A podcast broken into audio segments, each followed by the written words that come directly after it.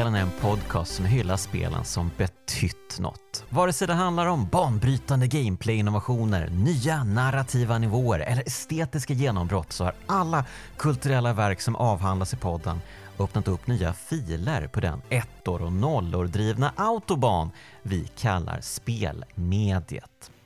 Jag heter Jonas Högberg och idag välkomnar jag David Nylander till podden. Hej David! Tack så mycket. Hur är läget? Det är förhållandevis bra. Jag är lite, Ja. ja, lite småkrasslig. Sådär. Som, som man blir okej. när våren ger sig till känna. Ehm, ja, David, du har ju podden Nytt Spel Plus. Ja, precis. Och eh, det är lite roligt för att till upplägget så liknar den kraftspelen ganska mycket. För ni brukar ju liksom gå på djupet med ett spel per avsnitt, är det så? Eh, ja, precis. Vi, har, eh, vi kör ju lite, lite blandat. Eh, vi har ju även eh, lite lösare avsnitt när vi pratar fritt om ja, men, eh, spel, film, tv-serier, lite eh, all, allt nörderi som vi konsumerar. Men de ordinarie avsnitten, då är det ju precis så som du säger att vi, vi, vi spelar varandras favoritspel, brukar ja, köra växelvis. Och så pratar vi om Mm. dem på, ja, Ja. utefter en eh, rätt så fyrkantig eh, modell. Men som ändå ger Ja, oss... okej, en fyrkantig modell. Hur ser en fyrkantig modell ut? Eh, Det, det är väl mer att vi har delat upp det som att vi pratar om grafiken, vi pratar om ljudet, vi pratar, eller ja, utseende, om det ljudmässiga, vi pratar om manus, vi pratar om spelmekanik, speldesign. Eh, Lite så uppdelat, eller försöker i alla fall, men det blir oftast ganska flytande ändå, för allting det är, det är väldigt svårt i spel att plocka isär allting på det sättet. Så Man, det går ju i varandra väldigt mycket och man vill ju Ja, det låter ju, det låter ju som eh, typ Superplay eh, back in the day när man skulle ge, sätta betyg på alla olika liksom, eh, delmoment i spel. Ljud, grafik och Jaha, speldesign och så.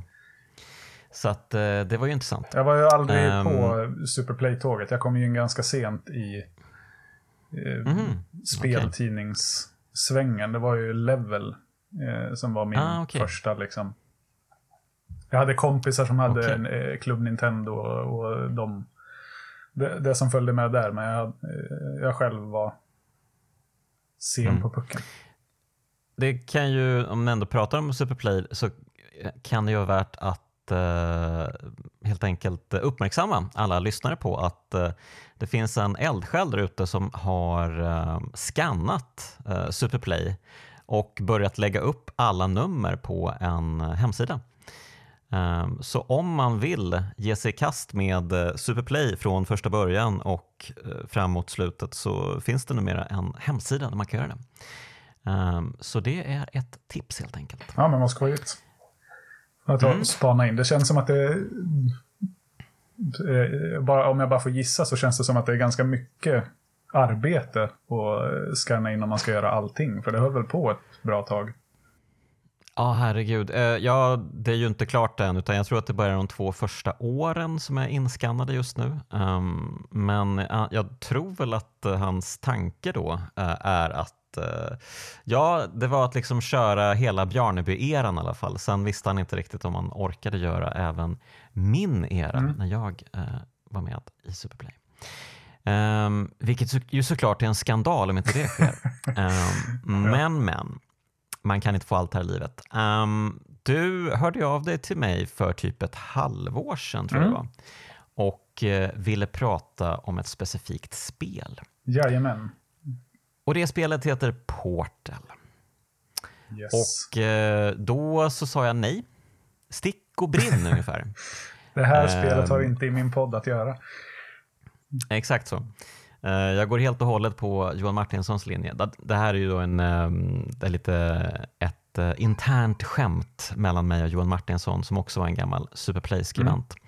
Eh, För han gav ju Portal 1 7 av 10 i Superplay och eh, detta har jag hånat honom för ända sedan dess. Så det är ju väldigt härligt att uh, nu få uh, ja, men, sätta tänderna i Portal. Inte bara Portal 1 utan även Portal 2. Mm. Du lyckades övertala mig att göra ett undantag och köra två spel ja, precis. Jag, jag kanske ska sadla om och bli, börja jobba som jag vet, jag vet, inte vad man, vad man jobbar som när man lyckas övertala folk att göra saker, men politiker Ja, av något slag, kanske, kanske. influencer.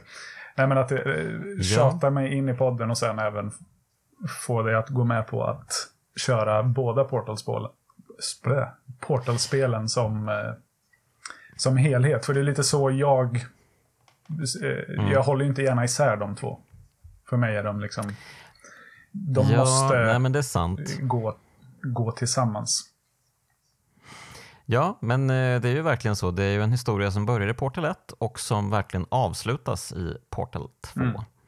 Ehm, och jag antar att tanken, eh, ja, tanken från första början kanske inte var att göra en tvåa för att så, som både du och jag vet så var det ju ett annorlunda slut ursprungligen i Portal 1. Mm. Ehm, där protagonisten Kjell eh, lyckades fly Aperture Science-labbet som hon hade vistats i. Eh, Men sen så ändrade Valve slutet och eh, såg till att hon blev insläpad igen ehm, för att helt enkelt kunna sätta igång och eh, utveckla en två. Mm. Um, vad spännande att prata Portal. Yes. Det här är ju verkligen ett av mina favoritspel, ehm, både ettan och tvåan. Um, har, du, har, du någon, har du någon favorit av spelen? Det är tvåan. Garanterat. Mm. Mm. Det är ju... Ja, det, det blir väl oundvikligen så, för det tar, det tar ju allt som fanns i ettan och växlar upp det ett varv till. Gör det längre Mm. och större och med... Ja, verkligen djupdyker bokstavligen i, eh, i själva berättelsen. Mm.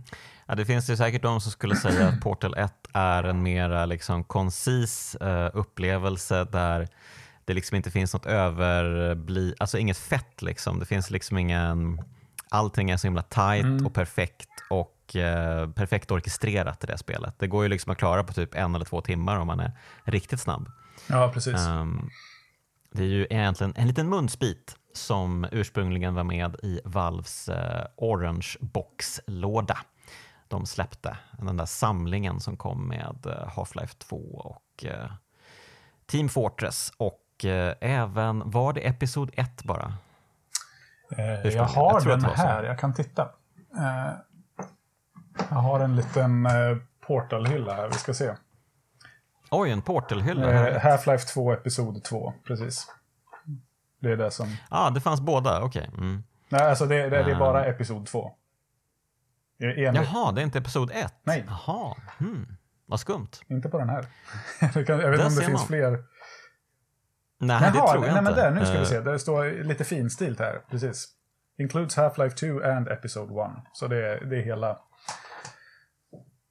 Så hela köret. Bara episod, så det är episod 1 och inte episod 2? Episod, eh, det är hela Half-Life 2. Förstår du vad jag menar? Allt som är släppt inom Half-Life 2 är med på den.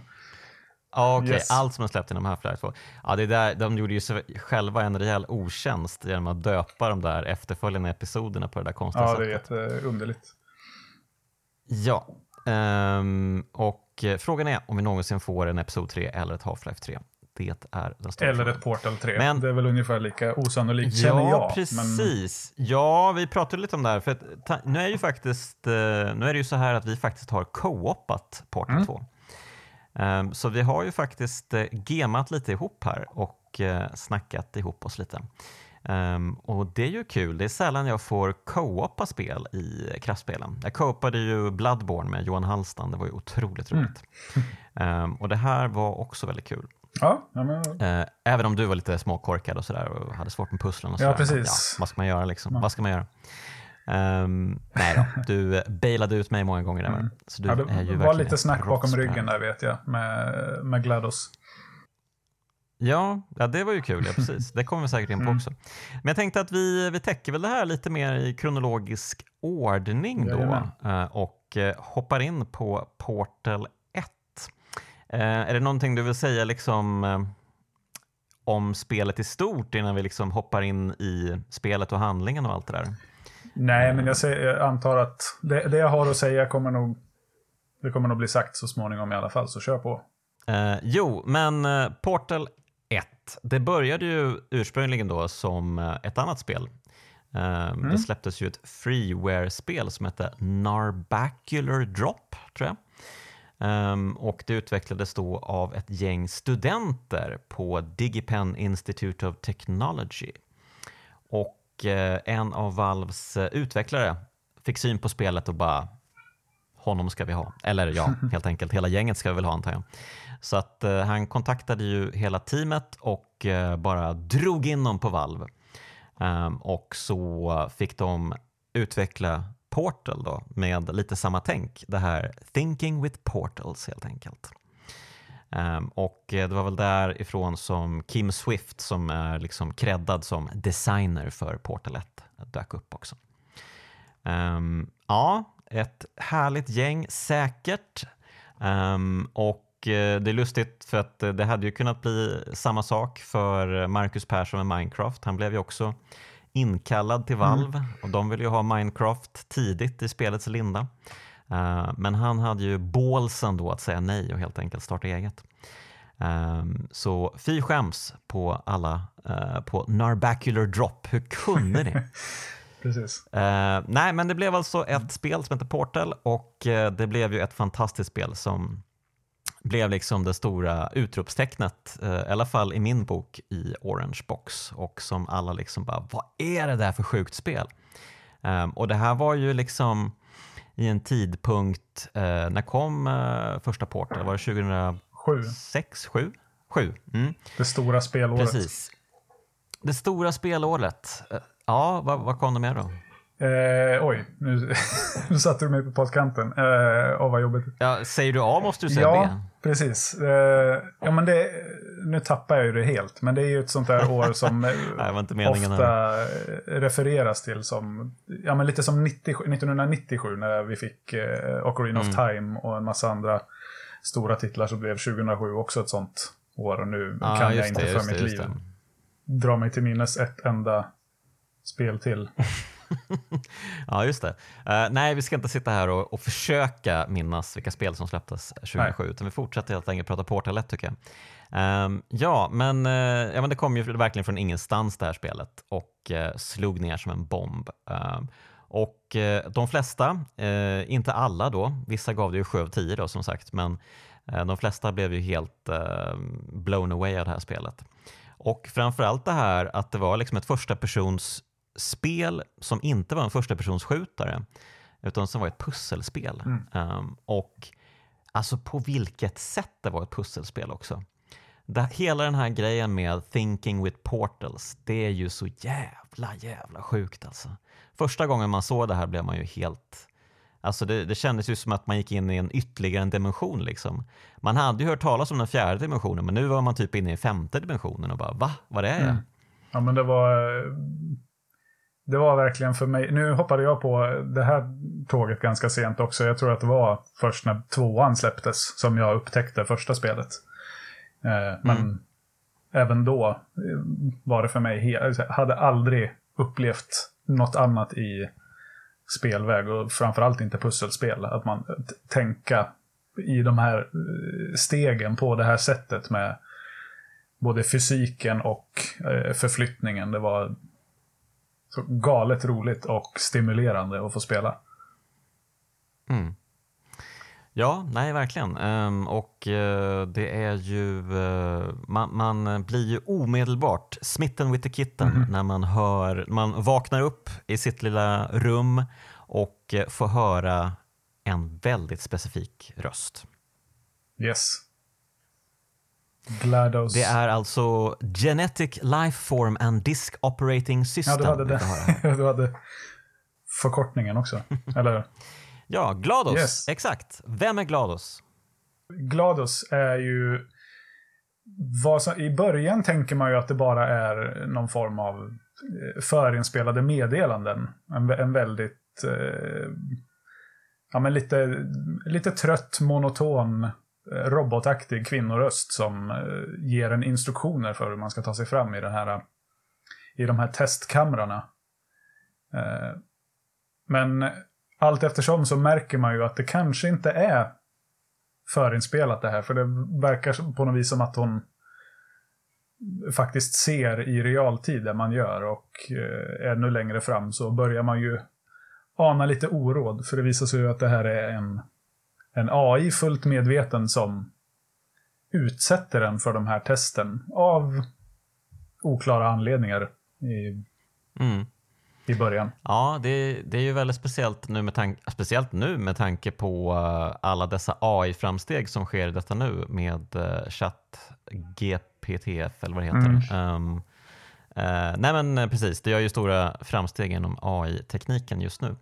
Så att uh, man undrar ju hur långt in i framtiden vi kommer att få stifta bekantskap med en typ GLaDOS. det är den stora frågan. Eh, men den ska vi inte besvara här, utan istället ska vi eh, kasta oss in på Portal 1. Och man börjar ju som sagt i ett litet rum, man hör en liten härlig låt, en liten trallvänlig Mm. låt. Du, du, du, som spelas på radio. Mm. Oj, oj, oj. Det är så himla mysigt. Och sen så säger ju GLaDOS att det är dags att börja testa. Och eh, Ja, och då får man ju det här portalgeväret eh, hyfsat snart. I början så är det ju portaler som GLaDOS skjuter ut själv. Eh, men sen så får man ju faktiskt ett eh, riktigt gevär då. Man får ett vapen i hand och man känner sig som en riktig gamer helt plötsligt. Äntligen, nu har jag mitt vapen! Åh, Äntligen får man nu ska jag skjuta. skjuta. Nu ska jag skjuta allt. Och ja, man kan ju skjuta ganska mycket. Man kan ju inte skjuta allt dock. Eh, men man kan skjuta alla liksom eh, hyfsat tomma och hyfsat vita ytor som finns i spelet och helt enkelt skapa de här skumma portalerna. Wow. Ja, men precis. Det är ju, det är ju lite roligt när man tänker på det. Att det är ju, det är ju ganska, det är ju ganska inrutat, eller tydlig, tydliga regler. Att det är de här ställena du kan skjuta på. Försök inte att skjuta på något som ser ut att vara i metall eller eh, ja, som inte är helt fritt från annat. För då, då kommer det bara att... eh, Mm. Ja, då, då, då händer ingenting. Eh, och det här har de ju till och med en förklaring på senare i... De har bemödat sig med att förklara varför det är så här i andra spelet sen. Och det tycker jag är lite roligt. Med att de har... Det är någon form av månsten som jag inte eh, kommer ihåg exakt hur de har utvunnit. Ah. Men som de har pulveriserat och sen gjort till en gel som de kan skapa de här ytorna med. För att man ska kunna projicera portaler på dem. Okej, wow, spännande. Eh, ja, det förklarar ju också slutet på Portal 2 sen. Intressant. Exakt. Eh, kul, kul, kul. Um, ja, men uh, ja, och hur är det då? Hur ska man göra då, David, när man ska börja liksom tänka med portaler? Uh, vad är viktigt att tänka på? Ja, viktigt att tänka på är ju att uh, blå portal och orange portal är som en dörr egentligen. Att du har framsidan och baksidan av en dörr. Ett, ett, nu vet jag inte, nu kanske jag, jag är inte någon hejare på fysik så nu kanske jag säger fel, men antingen ett, ett maskhål eller ett, ja, Mm. någon typ av eh, sån företeelse som det kan liknas vid. Att du kliver in genom den blåa portalen och kommer ut genom den orangea eller tvärtom. Så när du har Mm. skjutit eh, den ena på en yta och eh, för, ja, förslagsvis något som är i närheten av dig själv som du kan nå, så skjuter du den andra till platsen dit du vill, där du vill hamna, dit du vill ta dig. För att slippa då antingen ta dig över en eh, enorm avgrund eller för att kunna komma upp till ett högre ställe. Så Mm. kan man istället bara placera ut två portaler på eh, varsin ände och sen kliva rakt igenom för att Mm. med en, eh, ja, för att direkt ta sig dit. Ja, och det är klart, det låter ju busenkelt och det är ju busenkelt såklart. Men sen ganska snart då så introduceras ju ytterligare aspekter i, eh, i allt detta. Eh, framförallt eh, så säger ju Portal, eh, Portal framförallt så säger ju GLaDOS Speedy thing comes in, speedy thing comes out. Och vad menar hon då? Eh, det är när man får lära sig att man ska utnyttja momentum för att kunna ta sig fram. Så, eh, Eh, och eh, skapar också ett slags... Eh, lite, lite mer dynamiskt sätt att tänka med portalerna. Att du kan inte bara eh, förvänta dig att spelet igenom kunna sätta en portal på ett ställe och den andra på ett annat ställe. Och lugnt kunna gå igenom och klara dig igenom alla de här kamrarna på det sättet. Utan du måste även göra lite grejer i stunden. Att till exempel sätta en portal väldigt högt upp på en vägg. Kliva ut mm. genom den portalen och i fallet skapa en ny portal. Som är på golvet då, där du landar förslagsvis. För då slungas du eh, med gravitationen och det momentum du samlar på dig ut genom den första portal portalen igen. Mm. Ja, det är ju ganska sjukt om man väl får till de här liksom, eh, slungande mm. effekterna. Mm. och man kastar sig över stora ytor. Det är väldigt tillfredsställande när man ja faktiskt får till det. Man märker att ah, det funkade, vad smart jag är. Mm. Ja, det är precis. Det här är typexemplet på spel som får en att känna sig smart. För att det är ju liksom inte världens svåraste pussel egentligen. Utan oftast löser man ju de flesta pussel efter några minuter. Man, man, eh, får liksom en, eh, man gör liksom en lägesrapport över läget. Mm. Så här. Man kikar på vad det är som vad rummet innehåller för saker och eh, om man ska plocka upp en kub och sätta den på en knapp som sen liksom ja, men triggar någonting annat som sen man kan skjuta en portal på kanske. Och, mm. ja. Så det är mycket så här, en sak gör den saken och så ska man liksom ja, ta reda på vilken ordning man ska göra saker också. Um, så det är ju uh, ganska, ganska enkelt men svårt ja, och precis. väldigt tillfredsställande. Uh, ja, nej, men det, det, är verkligen, de har ju verkligen hittat en perfekt svårighetsgrad Valve. Mm. Uh, det är ju verkligen oh, så jävla skönt att spela igenom de här spelen.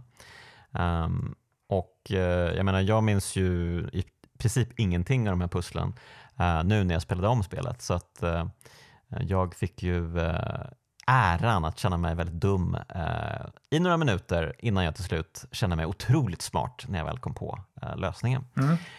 Um, och ja, men det, är ju, det är ju härligt och det finns ju massa olika liksom, grejer som man kan pyssla med i, i spelet. Det finns ju liksom rörliga plattformar och så finns det liksom giftbassänger och ja, men de har ju liksom placerat ut massa olika hinder som man ska mm. ta sig förbi på olika sätt. Och eh, ja, men ett eh, väldigt, väldigt smart spel som på något sätt blir större än helheten också kan man väl säga. Um, för det finns ju de här liksom det finns saker under ytan som pockar på en också. Som finns, som liksom finns eh, bortom testrummen. Man kan liksom ta sig in bakom, bakom kulisserna Exakt. på allting. Ja, var, och vad hittar vi där? Ja, men det, var, det här var ju också en sån... Eh, en st ett stort... Eh, en stor upplevelse för mig när man i första gången, jag vet inte, man tar sig igenom kanske 20 testkamrar tror jag i första spelet och någonstans strax efter halvvägssträcket så börjar det som du säger, man börjar kunna ta sig in bakom kulisserna. Det är en väggpanel som på ett ställe har liksom blivit ut. Eh, den har blivit uppbänd och eh, ställt, det har ställts kuber i vägen så att den inte ska åka tillbaka. Och där kan man krypa in och se på den här väldigt fula eh, utsidan där det, ja, det är rostigt och gammalt och smutsigt och äckligt. Och där ser man en mm. massa klottringar och eh, folk som har klottrat på väggarna och skrivit saker och ritat saker. Eh, och där mm. orden “The cake is a lie” dyker upp för första gången. Just det, och eh, då har man ju fått höra av Glados redan att eh, det väntar tårta i slutet av testrummen här. Um, för man genomgår ju liksom 19 olika testrum i det här spelet. Mm. Och uh, med löftet då att det kommer serveras tårta på slutet. Um, och uh, det är uppenbarligen tillräckligt för att få vem som helst att utsätta sig för de här ganska livsfarliga testerna. Eh, men helt plötsligt då, ja men det sker kanske en bit in i spelet, jag minns inte vilket rum det är, men om det är typ testrum 7, 8 eller 9 eller något sånt där, så eh, får man ju liksom möjligheten då som du säger mm. att kika bakom kulisserna på de här rostiga eh, rummen med, ja men det finns ju dörrar här som man inte kan gå in genom mm. då och och eh, långa trappor och allting känns väldigt seedy och äckligt som du säger också. Eh, men ja, det är ju intressant där för att eh, det, det finns ju liksom inga tecken på att det här liksom är en och samma person som gör allt det här. Men enligt eh, Valve så är det då en kille som heter Dog Ratman som har, gjort, som har skribblat allt det här. Um, allt det här klottret mm. om tårtan och lögnen. Precis. Um, och vem är Dog Ratman då? Uh, ja, det, det, finns ju en, eh, det finns ju en liten serie, en webbserie uh, om det här som mm. överbryggar uh, mellan Portal och Portal 2. Eh, och där får man ju mm. se lite mer i detalj vem det är. Att det är en ganska paranoid och eh, om möjligt personlighetskluven eller kanske schizofren. Eh, ja, eh, jag, jag, vågar inte säga säkert vilken av dem det är. Men eh, som eh, då har jobbat på Aperture Laboratories, det här stället man befinner sig på. Och mm. sen har börjat motarbeta GLaDOS när hon har gått Rogue. Eh, mm. Och försöker hjälpa de som är kvar där inne och framförallt då Kjell som han har fått veta är den eh, som är nä nästa test, testperson som ska utsättas för GLaDOS hemskheter. Ja, så då har han ja, sprungit precis. omkring och i, ja, men antagligen då i de här ja, det, det som är byggt, eller det, det som testkamrarna är byggt i, eh, i själva den här jätte, jättestora mm. faciliteten man är. Och försökt lämna meddelanden. Precis, man förstår ju inte riktigt det i ettan, men det utvecklas ju i tvåan att det är ju verkligen enorma utrymmen eh, som Aperture Science har lagt under sig. Eh, och man befinner ju sig långt under jordens yta också. Mm. Och det är ju verkligen alltså, lagerlokaler, det, it doesn't cover it. Det här är ju liksom kilom kilometerlånga utrymmen som består av liksom olika moduler som GLaDOS kan pussla ihop och skapa test av. Mm. Um, så att uh, hon kan ju hela tiden skapa nya test och hon är ju såklart uh, säkert antagligen världens smartaste um, individ, om man nu kan säga att en AI är en individ. Mm. Um, så att uh, det där är ju säkert en picknick för henne att uh, hela tiden skapa nya test. Uh, nej men precis, och han dyker ju aldrig upp i spelen, Dog Ratman, han är ju bara liksom nämnd i den här serien. Men det är ju lite kul mm. ändå att de kände att det var viktigt att ändå liksom ge den här personen ett, ett namn och en bakgrund och, liksom, och lite info liksom om honom. Mm. Um, och Sen, Ja, sen vet man ju inte om det, alltså det, det, kan ju säkert ha varit fler där också, eller vill jag gärna tro. Att det, det inte bara är han som...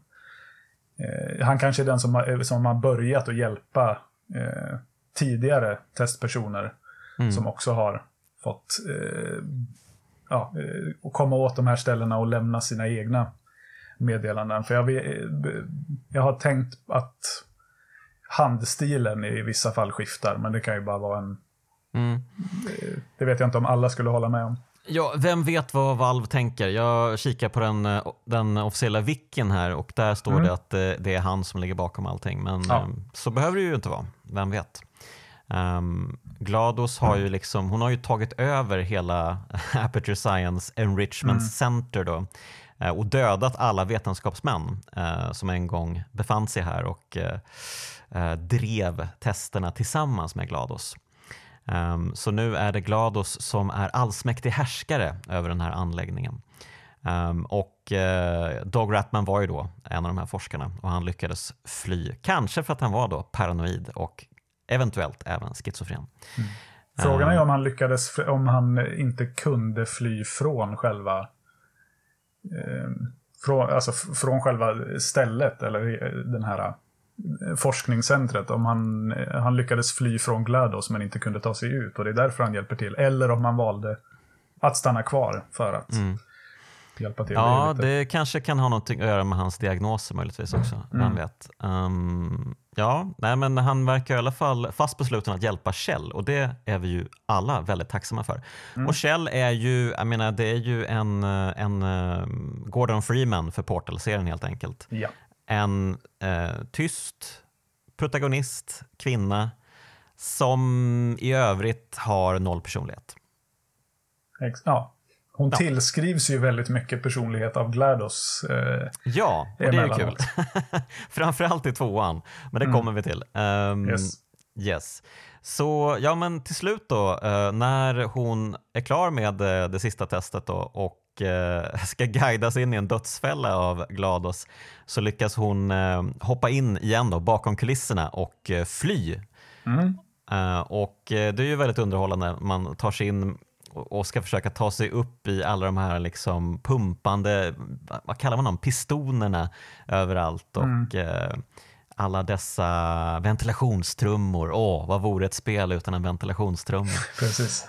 Uh, för mm. här får man ju se på riktigt hur, hur det ser ut eh, bortanför testkamrarna. Innan har man ju bara fått en liten en liten försmak på det i de här lösa väggpanelerna och de utrymmena där Ratman har varit. Men nu får man ju verkligen springa omkring där de faktiska tid tidigare forskarna har varit också. För man springer ju igenom en del sådana kontor eller övervakningsrum. Eh, med där, där det har varit sådana här eh, envägsspegelfönster. Eh, mm. Eh, där de har suttit och tittat in i testkamrarna. Jag tror till och med man får se några av dem man, man själv har varit i. Mm. Men på ja. andra sidan den här gången. Precis, och eh, Glados blir ju allt mer desperat. Hon ropar ju att “Somebody has cut the cake, du måste skynda dig tillbaka. Herregud, mm. du får ingen tårta.” Uh, och hon, hon, är ju jätterolig, Glados. De har ju ja. skrivit henne otroligt bra. Um, och, Kommer du ihåg när jag försökte döda dig? Det var väl roligt? Kan vi inte, vara, kan vi inte gå tillbaka till hur, vi, mm. hur, vi, hur det var innan? När vi mm. bara var kompisar och ingen försökte... Mm. Var, e- och ingen var elak mot varandra. Those were the times, verkligen. Mm. Ja, och eh, ja, man försöker ducka olika turrets, vakttorn, mm. de är mm. supergulliga, står utplacerade med tre ben och superlätta att peta omkull och då är de helt oskadliggjorda. ja, det är eh, superbra designbeslut kanske, att de är, de är superdödliga så länge de står upp och får syn på en. Då kan de skjuta, eh, skjuta ner en ganska snabbt, men om de blir pyttelite puttade på, då är de omintetgjorda och värdelösa. De till och med sprängs efter ja. ett tag när de, när de ligger ner. Ja, underbar design tycker man ju. Ehm, mm. Men eh, det blir ju tydligt sen i tvåan att det verkar ju lite som att vetenskapsmännen som har drivit den här eh, anläggningen de har ju försökt sabotera för Glados eh, under årens lopp innan de blev dödade då brutalt av henne mm. med någon gas. Um, så att de pratar ju om att de, ja vi, vi, kommer snart in på det, vi ska inte, mm. vi ska inte prata om det alls för mycket nu kanske men uh, men uh, absolut, de har ju helt enkelt försökt sinka hennes framsteg helt enkelt. Mm. Så det kan ju vara så att det är de som kanske har drivit fram den här märkliga designen med kulsprutetornen. Ja, ja, hur som helst, vi hamnar till slut i alla fall eh, inne hos Glados där hon finns rent fysiskt. Och mm. eh, det blir en stor bossstrid som är ja, men förvånansvärt mäktig tycker jag. Mm. Ja, men det, det är ju det som är lite speciellt, alltså spännande med Glados på något sätt. Att visst, hon är eh, fullt medveten och eh, jättesmart. Men hon är ju inte särskilt mobil. Alltså mm. hon kan ju inte flytta sig själv eh, nödvändigtvis exakt var hon vill. Utan hon sitter ju fast på det här i den här kammaren då man kommer till och kan, kan styra över själva eh, vad säger, ja, men, eh, alla all mekanik och datorerna i, på det här stället men hon kan inte göra så mycket själv. Mm. Så hon hänger ju mest där mm. när man själv springer runt. Och hon eh, skickar upp saker som, som ska skjuta, eh, skjuta en och eh, pumpar in gas i rummet och sådär. Mm. Precis, det dyker väl upp något, eh, det, är ju, det är ju något, eh, något, som, något rakettorn som sitter fast i marken tror jag som mm. skjuter mm. efter den. Och så ska man ju då um, försöka fejka in de här missilerna i portaler uh, som, så att de skjuts ut tillbaka på Glados. Då. Eh, och så faller det av olika personlighetskärnor eh, som man då ska slänga ner i en masugn som finns väldigt bekvämligt där i samma rum. Då.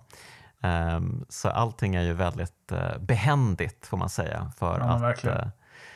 helt enkelt döda henne. Och kanske möjligtvis är även detta något som vetenskapsmännen har designat. De bara, ah, okej, vi har skapat en veritabel eh, dödsrobot här, liksom en Mm. HAL 2000 för eh, den, det nya liksom, millenniet. Så att, eh, nej, vi måste nog ha en masugn här och något sorts eh, sätt att kunna stoppa henne sen. Så vi kan bara koppla ifrån den och peta ner den där. Ja, det, det känns ju väldigt mycket så. En, en liten fail-safe. Verkligen. Ja, precis. Och eh, jag tror att den första kärnan som man då plockar av, för att den, den bara ramlar väl av från henne. Ehm, och då är det hennes morality core, alltså det. den, den som ska se till att hon har någon sorts moral och inte bara goes willy-nilly med sin ja, vilja att döda allt levande. Eh, Och Det känns ju lite som att hon gör det med vilje, knoppar av den där morality core. För att så fort den hamnar i masugnen, då förändras ju hennes röst. Ja, och det är så då, häftigt. då blir hon ju egentligen den Glados som vi känner, framförallt i sen i tvåan. Alltså det, hon förlorar ju lite av den här datalika rösten och får lite mer mänskliga intonationer också. Mm. Det är väldigt subtilt men det är väldigt snyggt också. Ehm, och det är säkert hennes masterplan på något sätt att ah, nu kan jag döda dig. För det är ju då hon pumpar in eh, nervgiftet i det här rummet. Då. Ja, precis. För Hon är väldigt manipulativ på så sätt. Det är någon slags inräkning hon kör för att hon ska... ja, Inte vet jag. Hon hon räknar ner i alla fall och sen plopp så åker den där eh, kärnan eh, ner på golvet och hon säger, nej men bry dig inte om den där, jag vet inte ens vad den gör, låt den vara bara. Mm. Och det gör man ju inte, utan man tar ju med sig den och så går man och lägger den i den här Mm. masugnen. Och då Precis. sker den här förändringen och hon berättar att det här var någonting som de i sista minut eh, programmer eller ja, eh, satte fast på mig för att jag skulle låta bli att eh, översvämma hela eh, forskningscentret med den här eh, dödliga gasen. Men som skedde lite för, lite för sent. Då, så när den har försvunnit sen så då börjar hon ju pumpa in Mm. gas i kammaren. Ja, och det blir en tuff bossstrid där man eh, norpar allt fler av hennes personlighetskärnor tills hon till slut då ehm, ja, men det blir en jättestor explosion som suger upp både Glados och Kjell eh, upp mot ytan. Ehm, och så får man se en kort liten scen när eh, man får se ur, fortfarande ur Kjells eh, point of view. Då. Eh, hon verkar halvt medvetslös och blir eh, bortsläpad och sen slutar spelet. Och så får vi ju det- höra, ja förlåt. Nej, jag, jag vet inte hur det... Jag har ju inte spelat det allra, allra första... Eller den, den liksom första versionen, så jag vet inte hur det slutade. Om det bara var att man fick se att man kom upp och sen... det... Ja, ja, precis. Jag tror inte att det var black. något sånt där. eh, Liksom, jag tror att hon bara kommer upp till ytan och eh, sen så var det inte så mycket mer med det. Nej. Eh, för jag vet ju att jag spelade det här när det kom ursprungligen. Um, Mm. Och ehm, nej men precis, det var liksom ingenting man tänkte på. Och sen den här lilla uh, ny eh, tillskottet då. Eh, det är väl en, en, de har patchat in det här slutet. Mm. Jag minns inte, det var ganska kort efter releasen tror jag, nå- något år efter kanske, som den här liksom, det nya slutet blev liksom de facto slutet. Liksom. Mm. Ehm, ja, och eh, spelet slut och vi får en fantastisk låt. Ja. Vill du sjunga den? Eh, jag har sjungit den faktiskt Jaha. på, på en konsert när jag pluggade på Musikhögskolan i Örebro.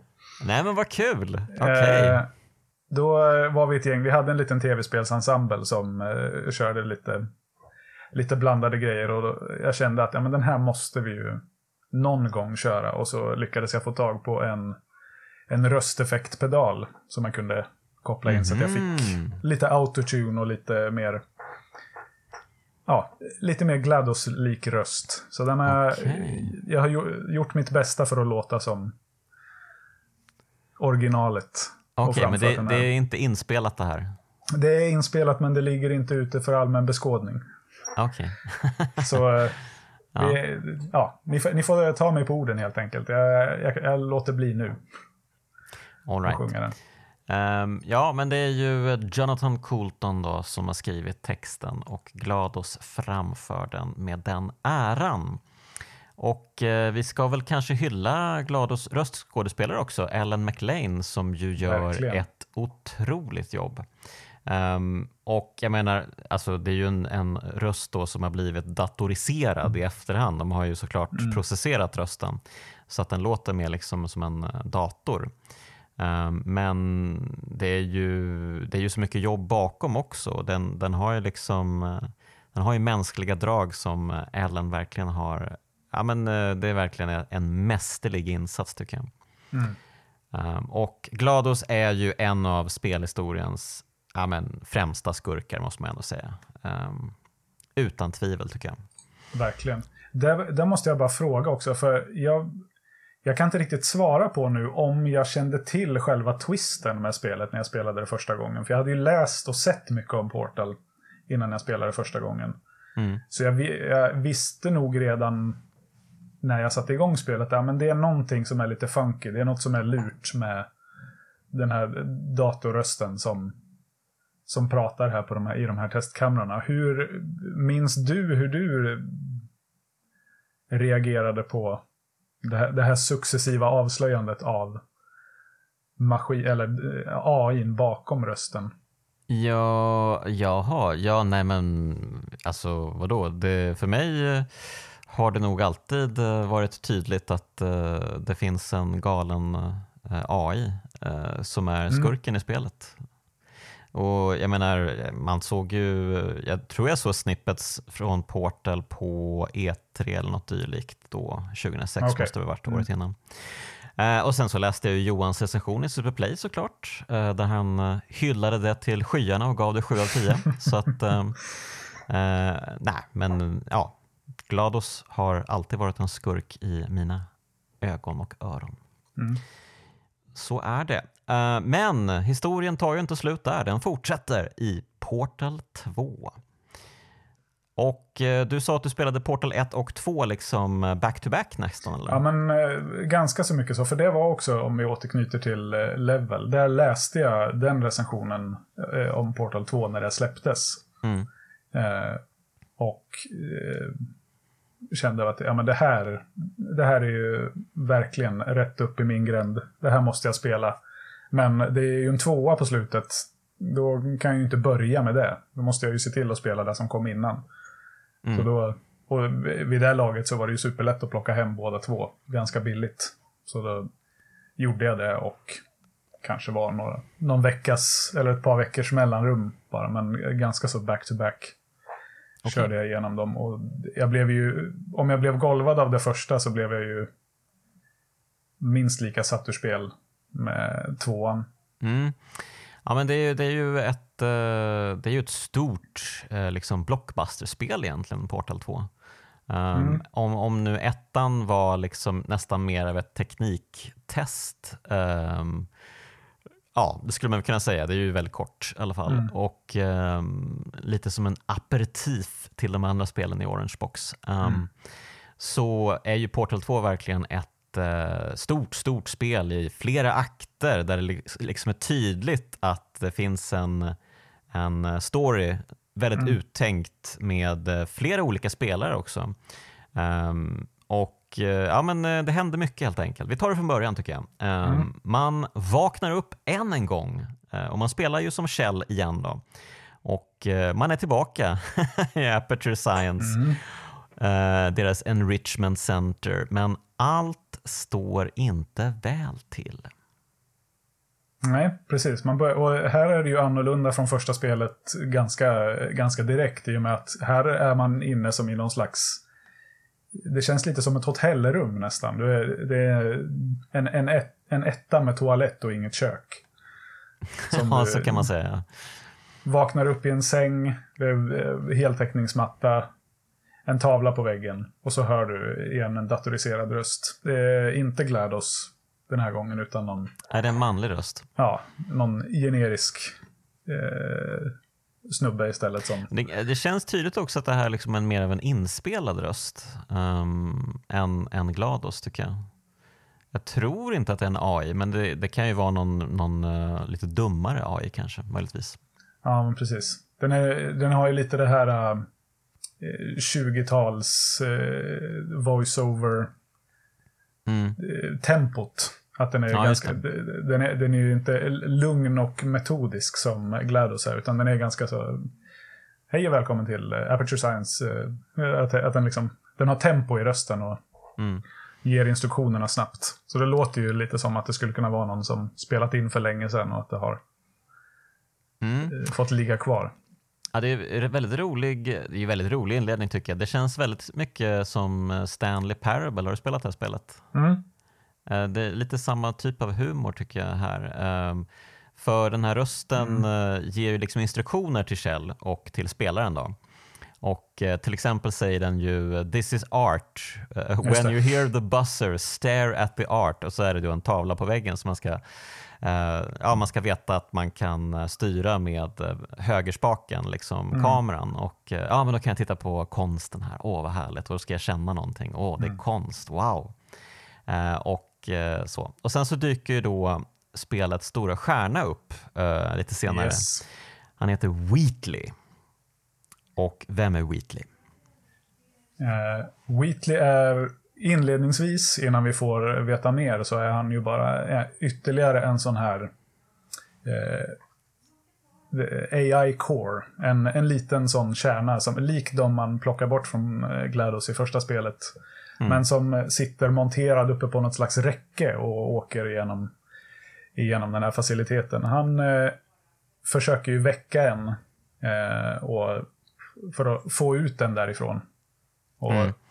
Från den här lägenheten ja. Mm. Precis, och i det här skedet så märker man ju att nu har jag varit här väldigt, väldigt, väldigt länge. För Mm.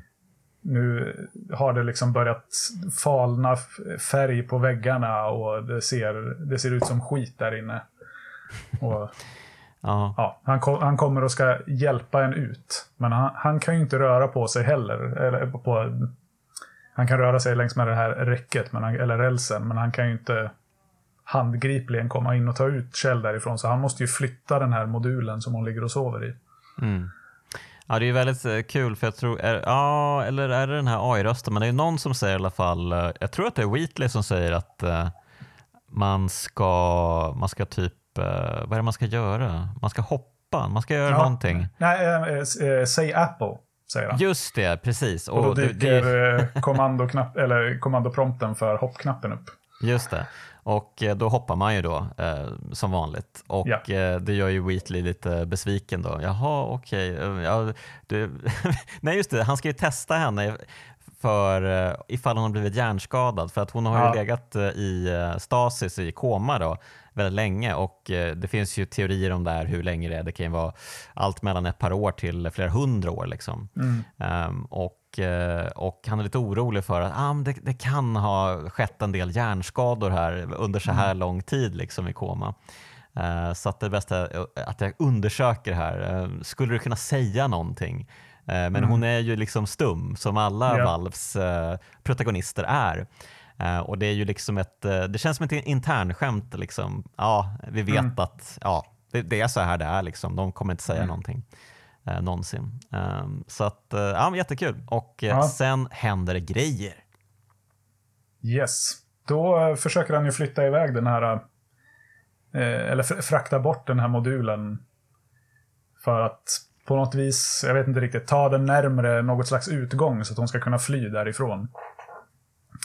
Och då får man ju se, det här var också en sån riktig, riktig mindfuck nästan för mig. När man får, väggarna börjar trasa sönder på den här modulen och man får se hur gigantiskt det här, det är stort, stort lager med fullt av sådana här eh, moduler. Där man får anta att det också har, om det inte finns nu, så har funnits en massa eh, människor som också har bott där eller legat i legat i stasis i dem. Som han Mm.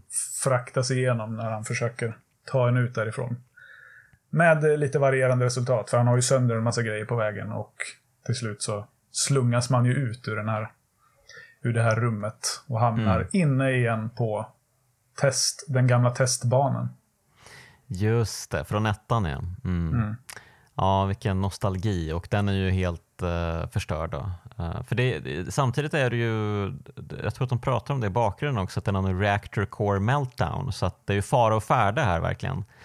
Ehm, och eh, liksom allt riskerar att eh, förstöras eh, fullständigt. Så att det är ju lite bråttom här. De måste ju försöka ta sig till eh, kontrollstationen. Ehm, Det är ju bara kruxet då att det är ju där GLaDOS finns. Hennes eh, kropp. Och ja, läbbigt, läbbigt. Och, men innan man kommer dit så får man ju, då hamnar man ju liksom nedanför där det är mycket växtlighet och eh, det finns jättefina teckningar på väggarna där över det som hände i ettan. Man får liksom en recap via de här, det här klottret då. Och jag antar att det här också är Ratman eh, som har gjort de här grejerna. Även Mm, om det här ser betydligt eh, fräckare ut än det han gjorde i ettan. Alltså han har ju skaffat sig mad skills sen dess får man ju säga. Eh, för här är det ju jättefina liksom, teckningar eh, på Shell versus GLaDOS. Och, Mm. eh, Ja, men precis. Men jag tror att det är med i serien också att eh, man får se när han sätter ut de här. Att det, nu, nu Mm. använder han sig av olika färger och liksom verkligen blivit, blivit en riktig konstnär. Okej, det är precis som eh, Now you're thinking with portals eller Now Exakt. you're thinking with several colors. Ja. Mhm.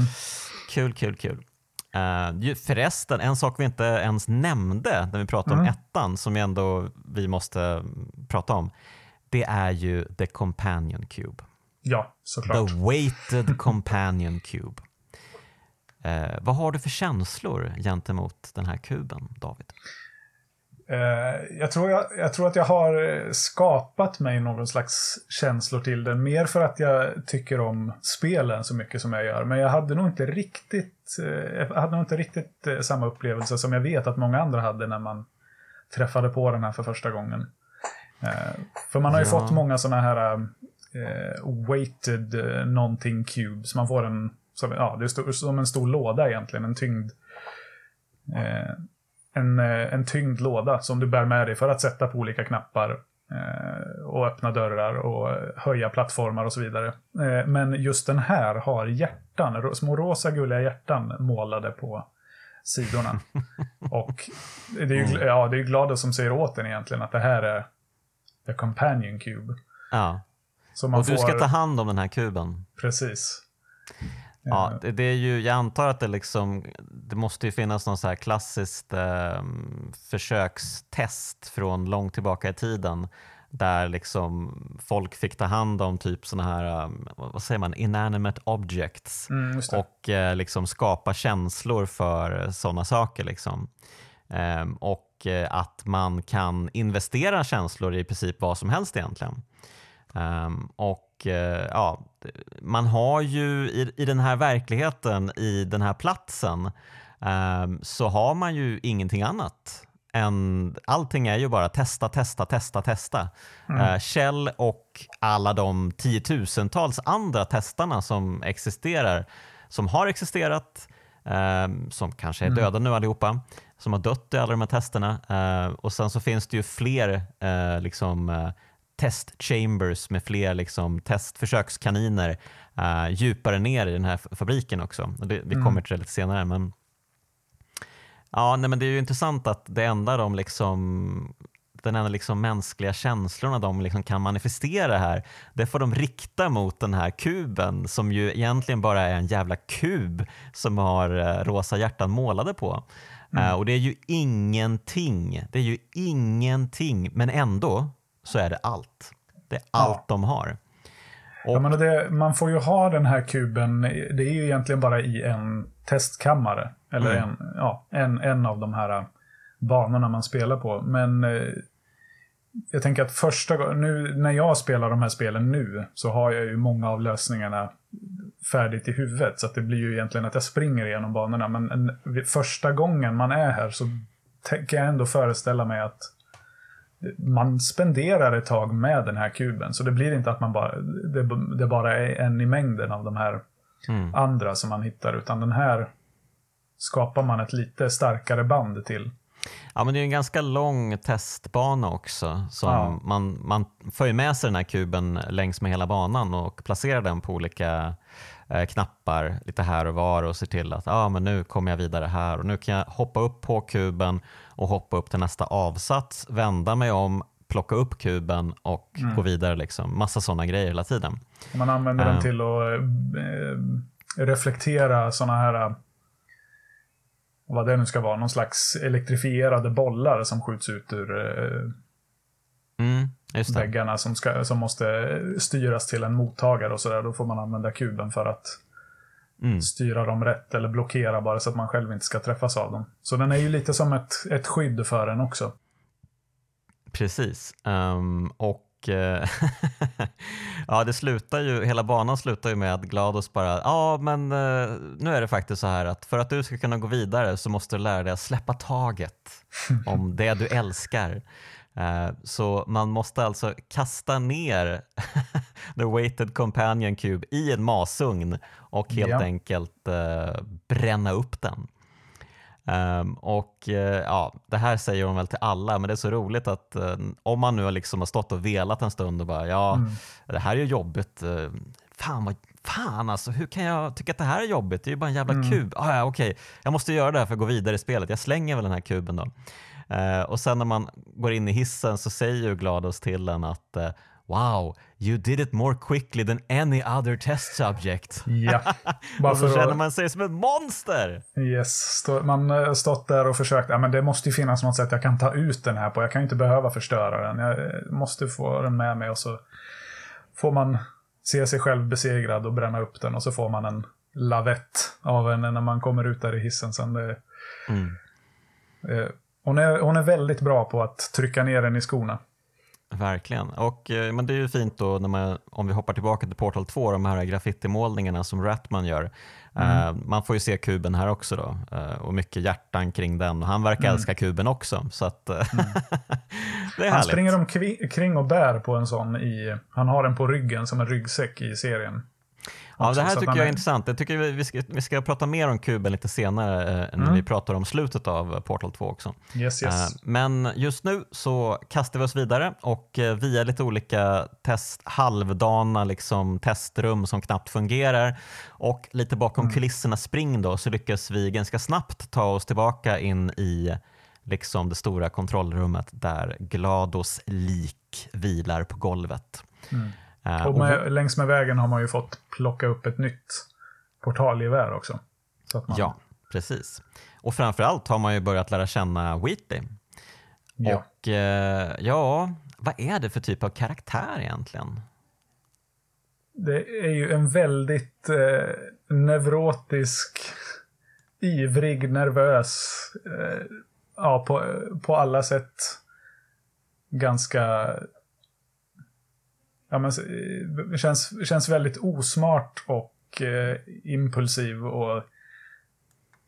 Han har många, många dåliga kvaliteter, men som man ändå eh, liksom... Man tycker ändå om honom på något vis. Det är ju Steven Merchant som gör rösten till honom. Eh, Mm. Också här, fantastiskt. Han, den här, hans röst är ju inte processad, på, eller den är ju inte bearbetad på något Mm. sätt.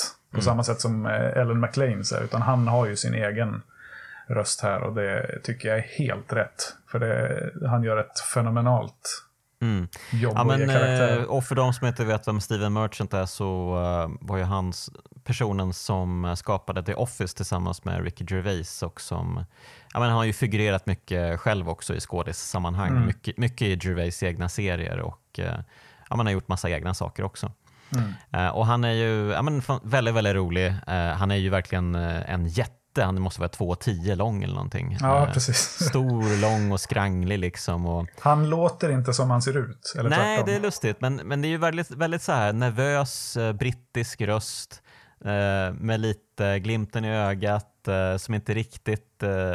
Ja, men han är inte världens smartaste liksom, men, men Nej. han, är, han är väldigt eh, charmig och eh, oförarglig liksom. Mm. Så man gillar ju Wheatley nästan omedelbart.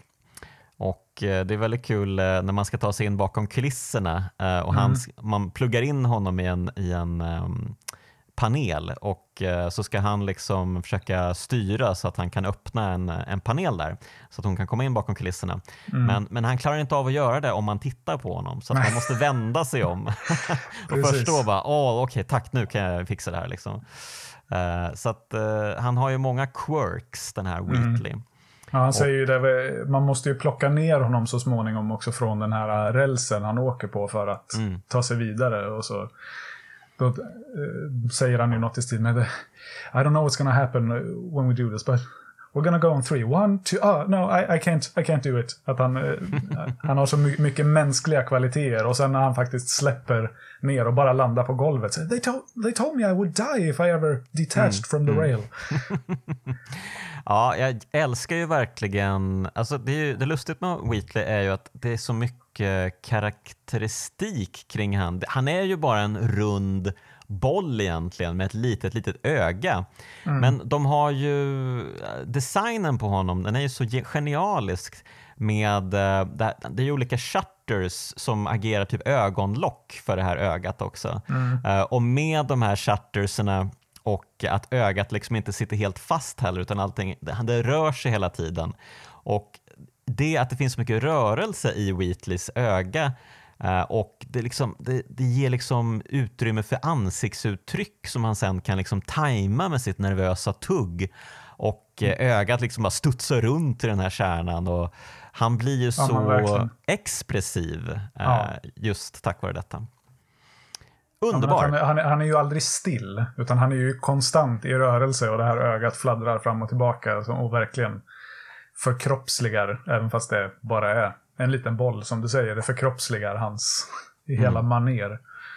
Ja, ja men eh, verkligen eh, genialisk design.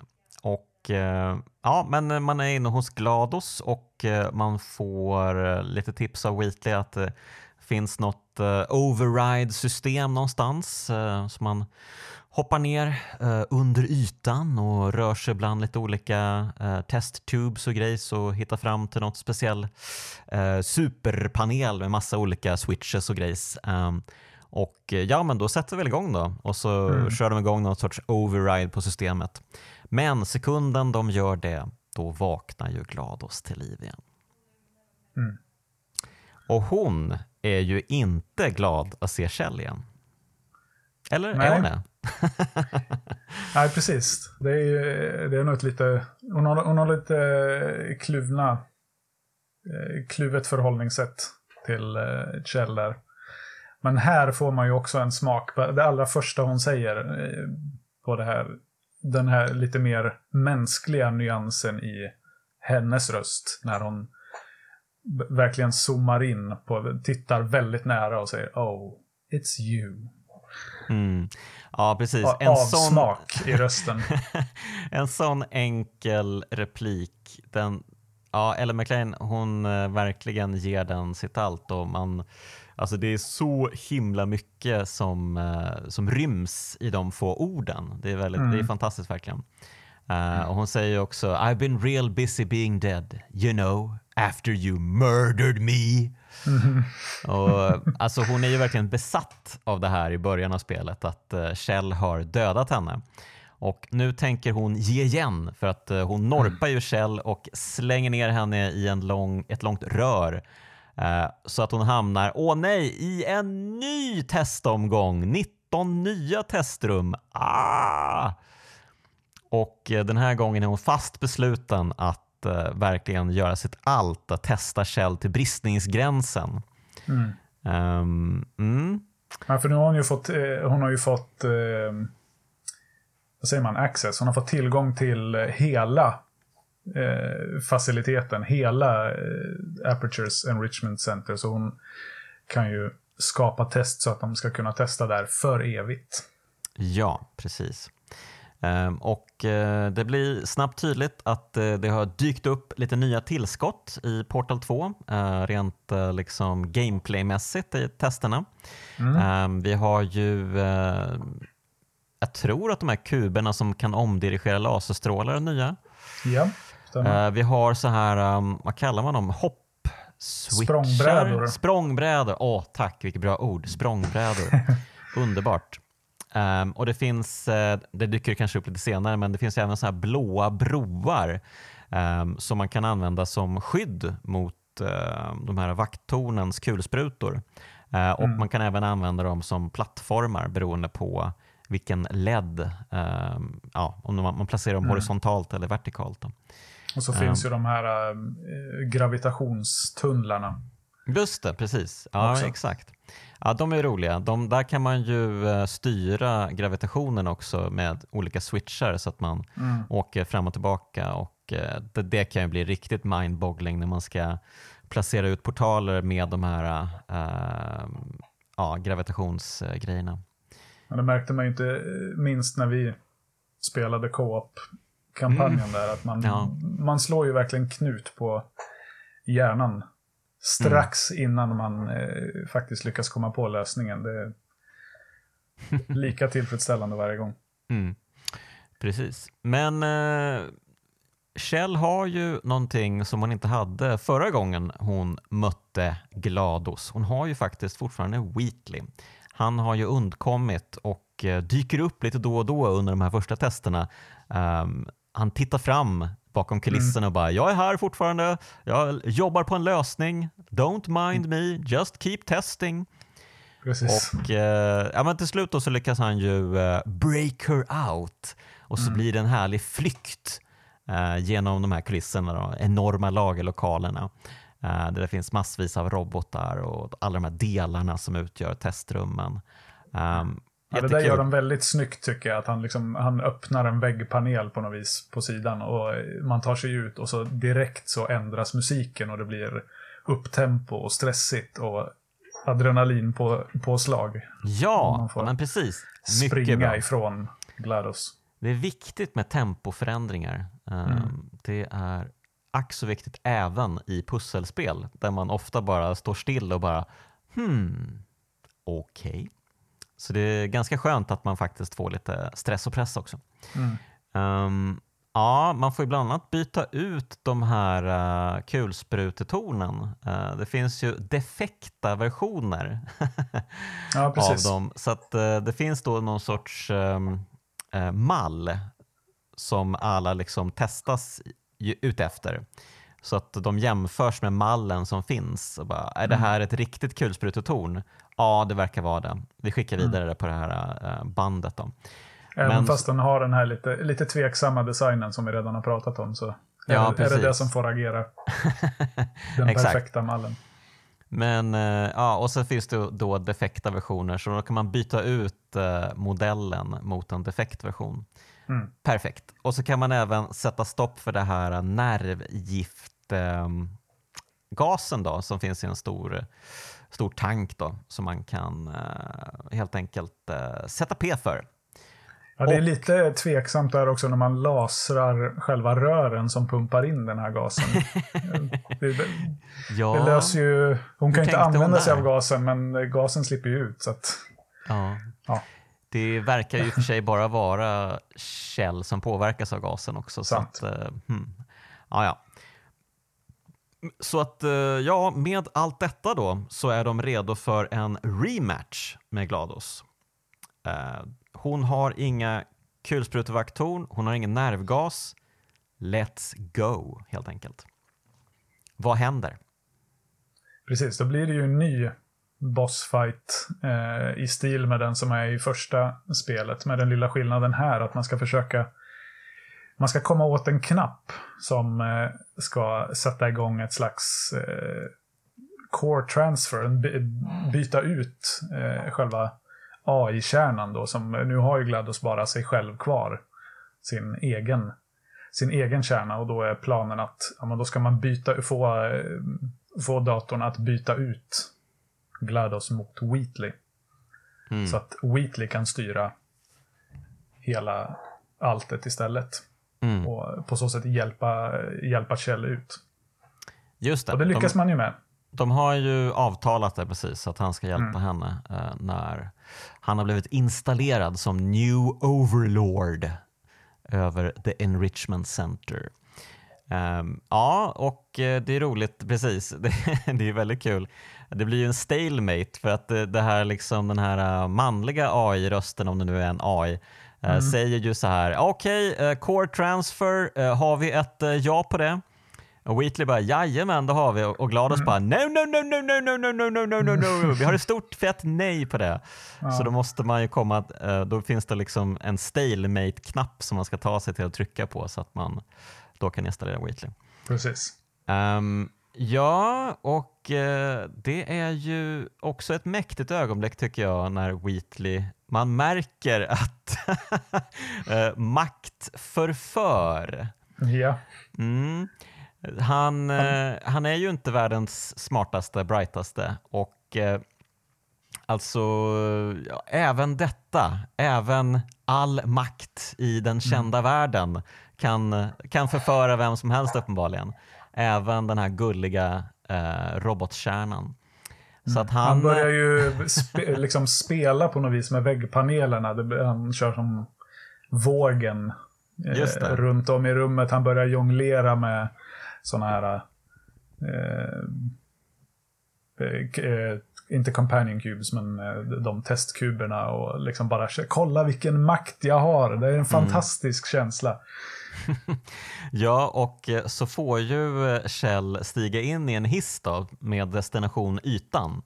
Men i takt med att hissen sakta, sakta, sakta börjar färdas uppåt så pratar han liksom med sig själv så här lite. Ja, mm. nu när jag är in, ja men det, alltså det här var ju inte så dumt. Och varför ska du försvinna för? Det var ju dumt också. Nej men du får vara kvar här helt enkelt.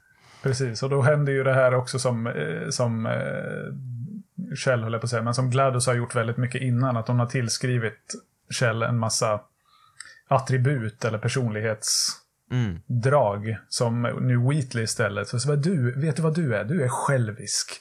Mm. Och du, du har bara låtit mig göra allt grovgöra under hela den här, hela den här tiden som vi har känt varandra. Och mm. nu ska du få igen. Ja. Även fast man själv, ja. Och det roliga Kjell också... har ju bara försökt hjälpa till och ja, precis. Precis. Nej, men han, uh, he's deluding himself, den gode Wheatley. Och uh, han är ju inte sen att ge igen mot Glados heller. För han, uh, ja det här är roligt för att på vägen fram till Glados högkvarter så springer man ju förbi en liten plats då där det har liksom varit Bring your child to work day en gång i tiden mm. när det fortfarande fanns forskare i den här anläggningen. Um, så då hade de tagit in sina barn och alla hade typ gjort experiment med potatisbatterier.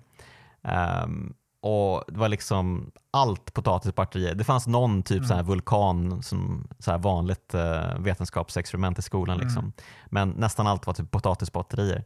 Så att, uh, då fick ju han en härlig idé, Wheatley, att uh, ja men varför inte fästa Glados vid ett potatisbatteri?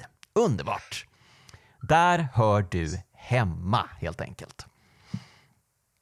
Och, ja, det är un ja, men det, underbart det att se hur ro rollerna hastigt byts om. Eller hur, hur de skiftas. Precis, och eh, det tycker han är jättekul. Han skrattar gott. Men skrattar gott, eller skrattar bäst som skrattar sist snarare. För Glados, eh, hon eh, inser ju vem Wheatley är helt plötsligt. Mm. Hon inser ju att, vänta lite nu, jag känner ju dig. Och Wheatley bara nej, nej, nej, nej, tyst, tyst, tyst, vi, vi, vi, har ingenting med varandra att göra. Och börjar då berätta för eh, Kjell att uh, det här är, ja det är så jävla bra. Vetenskapsmännen då, de hade ju försökt sinka Glados när de insåg att hon var liksom galen och allsmäktig och hur ska vi, shit vi har skapat ett monster här liksom. Mm. Hur ska vi göra? Vad ska vi göra? Uh, så då började de liksom försöka, de installerade ju en morality core uh, mm. som hon gjorde sig av med i ettan. Uh, men hon hade ju, de hade även försökt fästa en annan sorts core på henne. En core då som var Wheatley. Yes. Och eh, det var helt enkelt a moron core. Yep. en, en intelligensdämpare. Ja, det är fantastiskt. The engineers tried everything to, to slow me down. Um, så de liksom installerade en tumör på henne uh, som hon kallar Wheatley. Not just a regular moron, you were designed to be a moron. Oh. Ja. Chefs kiss på det, det är så bra. Mm, det är fantastiskt. Och det blir han ju inte glad över. I am not a moron. Ja. Och så slår han med GLaDOS-potatisen ner hissen, ner i hisschaktet. Så, man, mm. så att man faller långt, ja. långt ner i till botten, ska man väl säga, av den här av den, inte byggnaden, men av den här stora gruvan som mm. Aperture är byggt i. Ja, det är väldigt oklart egentligen vilken tid eh, det hela utspelar sig egentligen, hur långt in i framtiden vi befinner oss. Mm. Men det är ju ganska tydligt när det började, Aperture Verkligen. Science. För nu kommer vi till absoluta början. Och det här är ju min, mitt favorit, min favoritdel av spelet. Um, Verkligen. Jag, jag tycker att det, det, är helt underbart här nere att uh, få upptäcka Aperture Science, um, ja, men, uh, hur det började för det här uh, episka företaget som man, som man har hört så mycket om. Jag menar, de, de, um, de pratar ju om Aperture Science även i Half-Life, att det var liksom Black mm. Mesas konkurrent liksom och sådär. Precis, och, det, och likväl nämns väl Nej, Black Mesa kanske inte nämns vid namn här, men det har ju... Ja, fast det, nämns, det, det nämns, det nämns väl i någon låt va? Som, I Still Alive. Ja, precis. Så nämns de ju vid namn och eh, jag tror man kan läsa sig till eh, på vissa sådana här uh, tidningsutklipp och grejer som man hittade längs med vägen att, ja, att de var konkurrerande mm. företag. Just det. Och eh, ja, men Det är jättefint och eh, som du säger, det är, det är ju värsta gruvan allra längst ner. Och helt, alltså om man, om man tyckte att det var enorma ytor och avstånd och områden där uppe så är det ju ännu större här nere. Liksom. Mm. Uh, och man, man, man förundras ju, hur kunde de bygga allt det här? Ja. Uh, och så här långt ner under ytan också. Ja, jättekonstigt. Uh, det men... första stället man hamnar på precis när man har kommit ner, det är ju också, man har ju ingen aning om vad, ja, var man är eller vad som, vad som ska hända. För det är ju bara ja, det är lite grottliknande, men det ser ju ändå ut som att det är bebyggt på många ställen och eh, stora, stora långa tunnlar som man går igenom ett bra tag innan man kommer in i de här allra första eh, första riktiga byggnaderna där ah. den ursprungliga forsknings, eh, forskningsinstitutionen låg. Mm. Och det är ju så bra att de har liksom satt upp eh, årtal också på byggnaderna så att man vet mm. att när allt börjar så här, ja ah, 50-tal, okej okay. och sen så gradvis, ju högre upp man kommer desto eh, längre fram i tiden kommer man. Mm. Ja, och eh, ja men eh, precis, det är väldigt härligt att få utforska liksom the underbelly här på Aperture Science. Um, och eh, man kommer ju in i um, en första liksom byggnad där man ser massa liksom, äh, tidningsurklipp som du var inne på och man mm. ser även bilder på grundaren Cave Johnson. Och äh, det är ju liksom lite Walt Disney-stuket över honom. Äh, han verkar vara liksom en en eh, framtidstänkare, verkar vara mycket mm, glammig gamäng helt enkelt. Och han, Sin tids Elon Musk. Ja, kanske. han började med att uh, sälja duschdraperier tror jag. Det var ju väldigt roligt.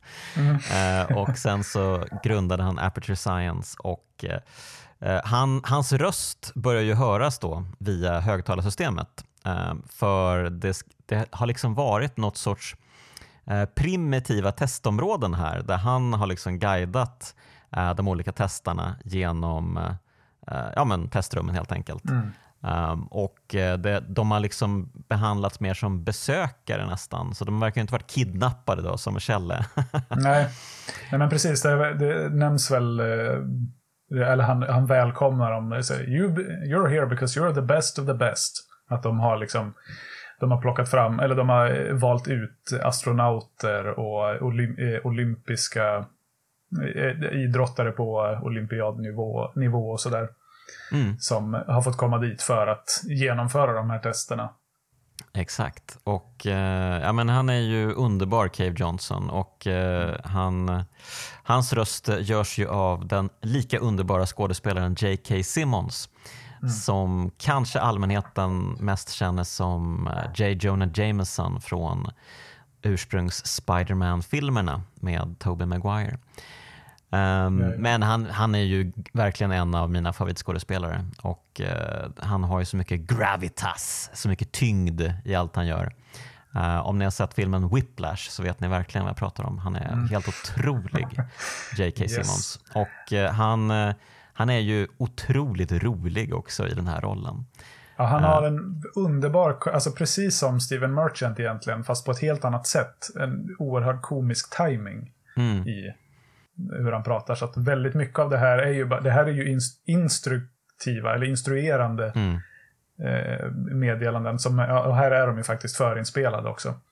Ja, och, eh. och grejen är ju att han, han är ju typ han, han är ju typ en galen människa som tror att han är som tror att han är smart och eh, liksom mm. inte galen. Han säger ju saker som liksom at Aperture we do all our science from scratch. No mm. handholding. Exakt. Ja, jag menar, galen vetenskapsman men eh, i, i vd-stolen. Exakt. Ja, nej, men eh, man, man bara älskar allt han säger. Och, mm. eh, han, eh, så man får ju guidas genom massa olika test, test. Och här nere då så får man ju ta del av de här första grejerna som Aperture pysslade med. Uh, för de, de verkar ju liksom ha startat som ett företag som bara skulle göra science, bara rent allmänt. De mm. hade liksom ingen fokus utan han bara sa till vetenskapsmännen Do science! Precis. Något, något blir väl bra. Liksom. Nå någonting ska vi ta fram, det är inte så viktigt vad, men det ska, vara, det ska vara forskning. Och eh, Den första grejen de tar fram då, det är den här repulsion gel. Och mm. eh, Man kan väl beskriva det som en färg snarare, en blå färg som man kan spruta på olika saker um, och därmed helt enkelt uh, studsa bort från ytan. Mm. Um, så det är helt enkelt en studsmatta som man kan rikta lite här och var. Precis, som det, var, det var ju också tänkt att den här skulle funka lite som ett bantningsmedel. eh, också för att man skulle, ha, man skulle på något vis injiceras med den eller om man skulle äta den på något vis så att maten sen bara skulle studsa upp. Mm. Tyckte ja. han verkade vara en superbra idé. Men det... Pure genius. Yeah. Cave har gjort det igen. Jag älskar att han heter Cave också. Mycket bra. Ja. Eh, precis, och, inte, och jag älskar verkligen det här plingelingiga ljudet när man hoppar på den här blåa färgen. Det är så jävla roligt. Ja. ja men det, eh. det, som, som, en väldigt, som att någon har försökt eh, att ta fram ett ljud som låter som en studsmatta. En väldigt stor mm. bulkig studsmatta. Ja, det är underbart. Det är liksom Valve har tagit fram sitt eget hoppljud för att liksom eh, konkurrera mm. med Marios skuttljud. Liksom. Nu, här, så här låter vi, vårt hoppljud, lite busigt sådär. Liksom. Um, ja, jättekul. Och eh, då är det massa olika pussel med det här repulsion gel som man skuttar sig fram och hoppar uppåt ger olika hissar och tar sig hela tiden sakta, sakta upp genom de här enorma lokalerna. Uh, ja, och sen... det här tycker jag är så mm. fantastiskt. För det är ju varje del av, eller var, varje ny testdel, det som tidigare har varit testrum som du har åkt i med hissar och du har aldrig sett hur det ser ut utanpå riktigt. Mm. Uh, mm. Så har du här istället uh, enrichment spheres att det är sfärer eller liksom bollar in, som är byggda i metall som innehåller mm. de här testbanorna Just det. som man kör på. Mm. Bara en sån grej att man, ja men det är klart vi ska bygga dem så här. Varför skulle man utforma det på något annat sätt? ja, precis. Uh, och uh, ja, men sen, snart så introduceras ju även en röd färg då som gör att man springer mycket snabbare. Uh, och då kan man mm. kombinera den med uh, blåa ytor och helt enkelt, ja, man, man blir ju verkligen Super Mario här. Uh, skuttar mm. och springer runt och samtidigt som man springer in i portaler och skapar fallutrymmen och ja, det blir mm. crazy stuff helt enkelt. Och så stöter vi till slut på GLaDOS igen. Precis. De har ju blivit... Jag tror att man kanske till och med ser det när man först ramlar ner och vaknar upp efter att man blivit nerslängd i, eh, genom hisschaktet. Att potatisen ligger där en bit bort och så kommer det en fågel, en duva, tror mm. jag, eh, alltså, och plockar upp den och flyger iväg med den. Och sen hittar man ju den i den här duvans bo. Som mm. är inne på ett kontor. Just det. Ja. Och då får man eh, slå följe. Nu har ja. min fiendes fiende blivit min vän. Visst är det härligt. Och eh, hon är ju inte dummare än att eh, ja, det är, jag, det är jag som befinner mig i underläge här, men om du hjälper mig så ska jag hjälpa dig. Jag lovar. Mm. Och eh, ja, hur mycket, hur mycket vikt ska man ge ett löfte från en eh, galen psykotisk mördar-AI? I don't know, men eh, det är väl det, är väl det vi det är väl det vi kan uh, göra här nere helt enkelt. Precis. Så ja, våran färd fortsätter uppåt. Det dyker upp uh, även en grå färg. Och den mm. är ju mm. härlig, för den skapar ju portalytor. Precis. Så att vi helt enkelt kan fylla ett helt rum med den här liksom gråa färgen. Um, och Eh, på så sätt helt enkelt uh, skapa portaler var vi vill. Mm. Um, och eh, det är ju otroligt bra. Och uh, så ska man kombinera alla tre färgerna och uh, ja, det blir fantastiska pussel. Jag älskar pusslen här nere. Mm. Mm, så... Ja, här, här, får man ju då lite, de här förinspelade meddelandena från Cave Johnson, de fortsätter ju att eh, ljuda hela vägen upp nästan. Mm. Uh, han, det är vid något tillfälle till och med som han säger The boys told me to stop making these uh, pre-recorded messages and that gave me an idea. More pre-recorded messages. Så han, han är liksom, hela hans uh, tänk går ju igen här också. Att de sa åt mig att göra så här så då gjorde jag precis tvärtom. Mm. Uh, men i ett av de här meddelandena så pratar han om hur de köpte en himla massa eh, moonrocks. Vad det mm. nu innebär. Om det var faktiskt från månen, eh, antagligen då. Mm. Eh, som de skulle använda. Ja, de, de, skulle använda, de hade något annat syfte med att de skulle köpa upp det. Men det sket sig så då pulveriserade de allting istället och gjorde conversion gel. Som då bli, blev den här gråa vita färgen som han eh, nämner att they make a great portal conductor. Han, då har de ju uppfunnit även den här eh, quantum tunneling device som de kallar det, som senare, som senare blir portalgeväret. Eller prototypen av. Mm. Just det. Så där får man, får man det lite förklarat varför det är de här yt, vita ytorna som mm. passar bäst att skjuta portaler på. Ja, vi har månen att tacka allt för helt enkelt. Yes.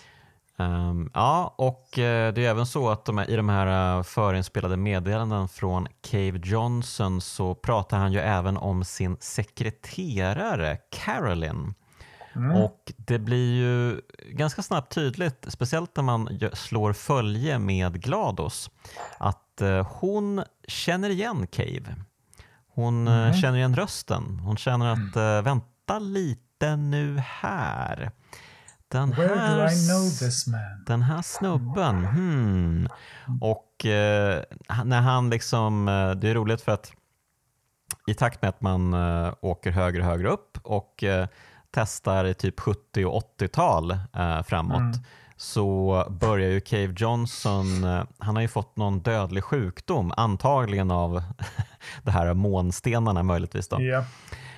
Så att han är ju på väg att dö och han börjar ju balla ur lite så här. Han pratar ju till exempel om att uh, ja, de säger att when life gives you lemons, ah, make lemonade. I say don't make lemonade, make life take the lemons back. Och han uh, ballar ja. ur och uh, det roliga är ju att Glados bara yeah! Jag förstår precis, precis, vad du snackar om. Hon blir liksom hejaklacksledare för Cave mm. Johnson. Och det är ju ganska tydligt då att uh, Glados är Caroline, eller åtminstone en del av henne är Caroline. Och sen säger Precis. han ju även det att hela hans mål då när han är döende, Cave Johnson, är att få bli inplacerad i någon sorts AI och eh, få leva vidare för alltid. Men mm. det verkar inte som att tekniken hinner ifatt liksom innan jag dör här. Så att om jag dör och det blir möjligt att göra det efteråt så vill jag att uh, Carolyn ska petas in i den här AI. Ja, Exakt. spännande, ja, spännande. Hon, hon, har ju gett sken av lite tidigare också när eh, ja, han, han har sagt någonting och så har man hört eh, Carolyn i bakgrunden. Yes sir, Mr Johnson sir. Och så eh, GLaDOS i, i princip exakt samtidigt säger samma sak. Så att det finns liksom i ryggraden på, hos henne på något vis. Det här som Carolyn säger och då blir hon ju lite... Ja, mm. hon får ju kortslutning vid något tillfälle för att hon inte riktigt kan hantera att innan hon förstår vad det är som händer. Så kortsluter hon sig själv. Hon mm. över, över, eh, överladdar det här batteriet. Mm. Ja, det är lite oklart exakt vad de hade för relation, Cave Johnson och Caroline, för att hon är mm. ju hans sekreterare. Men det mm. verkar ju som att de hade ett särskilt band. Jag tror inte att de var lovers. Jag tror väl att de kunde kanske ha varit det. Uh, men ja. att det kanske inte var så. Han pratar ju i, i ett av de första meddelandena om att uh, Carolyn är liksom married to science. Uh, och att uh, försök inte liksom ragga på henne utan det kommer nej. inte funka. Liksom. Um, och uh, ja, nej, men så Det är en väldigt intressant mm. relation de har. Och, ja, men precis. Man får inte så, eller jag får inga inga sådana vibbar att det skulle ha varit någon, eh, någon, någon sån relation, romantisk eller sexuell relation, utan mer att ja, men, alltså hans närmsta, hans högra hand. Ja, som han ja, liksom kunde anförtro sig till och som han litade på. Precis, han verkade ju verkligen tycka att hon var världens bästa människa typ. Mm. Um, och och eh, han sa väl till och med det att eh, när jag är död så får ni liksom tvinga in henne i en, i en AI, mm. liksom, för att det måste ske, för att hon måste ta över världen typ eller något mm. sånt. She'll say uh, no, she's modest like that. Exakt. Uh, nej men mm. precis, hon verkar ju vara lite the brains uh, bakom Cave Johnson snarare. Mm. även om hon då drabbas kanske också av Cave Johnson och hans galenskap. Um, ja, så att uh, okej. Okay. GLaDOS hemligheter har röjts och med det så kan vi ta oss upp igen till mm. Weekly. Får jag bara eh, en liten eh, en liten, en liten, eh, ett litet påskägg som jag tycker är roligt mm. i det här spelet. För de som har koll på just eh, Half-Life-spelen och kanske eh, episod, Half-Life 2, episod 2 i synnerhet. Mm. Eh, där man letar efter det här skeppet Borealis. Ja. Eh, där kan man ju faktiskt hitta, eh, om man letar sig in lite bakom kulisserna i ett av de här kontoren som man går igenom, så kan man ju hitta The Dry Dock. Jag vet inte hur man ska översätta det till svenska riktigt, men där det här skeppet då troligen har byggts mm. på plats inne i eh, den här inne i Aperture, äh, Aperture Laboratories. Ja, och Borealis, det sades ju att liksom Half-Life Episod 3 skulle ha utspelats eh, på Borealis, det här skeppet. Mm. Men eh, ja, som alla vet, det fick vi ju aldrig se. Um, så det förblev ju mest en myt, den här Borealis. Mm. Men, alltså det är lite kul om man har koll på deras gemensamma universum där man hittar de här små kopplingarna. Mm. För han, näm han nämner ju, Cave Johnson, han nämner ju Black Mesa också här. Mm. Han säger, han säger eh, Black Mesa can eat my bankrupt. Och sen klipps det. han, han hinner inte avsluta där riktigt. Nej. Ja, och eh, med det så lämnar vi Cave Johnson, men vi kan ju återkomma till honom lite senare också. Eh, mm. För han dyker ju faktiskt upp i ett annat spel, eh, värt att nämna kanske i slutet. Men ja, här och nu så tar vi oss upp igen, tillbaka till Wheatley och han blir ju överlycklig att få syn på oss. För han har ju förgäves försökt få de här um, kulsprutetornen um, att uh, utföra test, men det har ju inte funkat riktigt. Nej, precis. Det är någon, någon slags konstig korsbefruktning mellan eh, kanontornen och eh, de här kuberna. Cubes. Som, ja. som det är liksom kuber på, alltså snea kuber på ben som går omkring och som han försöker få att genomföra mm. tester. Yes, men nu är äntligen en riktig testperson här och han blir ju överlycklig för han är ju då inkopplad i Glados kropp och vetenskapsmännen eh, som byggde Glados har ju liksom eh, de satte ju liksom in någon sorts mekanism i den här kroppen som gjorde att eh, Glados då eh, fick eh, eufori. Hon fick stora lyckliga känslor när någon lyckades utföra ett test. Mm. Um, för att göra henne till liksom den ultimata test-AI. Uh, liksom. Um, mm. Så att uh, nu har ju då Wheatley den här kroppen och uh, han är ju då desperat att få en försökskanin och faktiskt lyckas med ett test så att mm. han kan få känna de här känslorna. Precis, för de har ju också den här som beskrivs som the itch. Att mm. han kan ju inte, det är inte bara att han får ett lyckorus av att någon lyckas utföra testerna, utan han måste få någon att testa för att han, det, det är liksom ett kliande behov av att testa som de också har eh, programmerat in då för att testandet ska fortsätta i all evighet.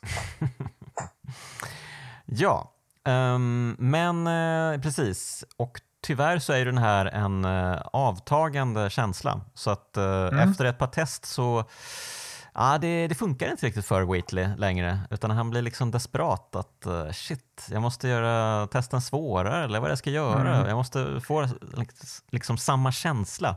Så att han blir ju verkligen som en heroinist här. Liksom. Mm.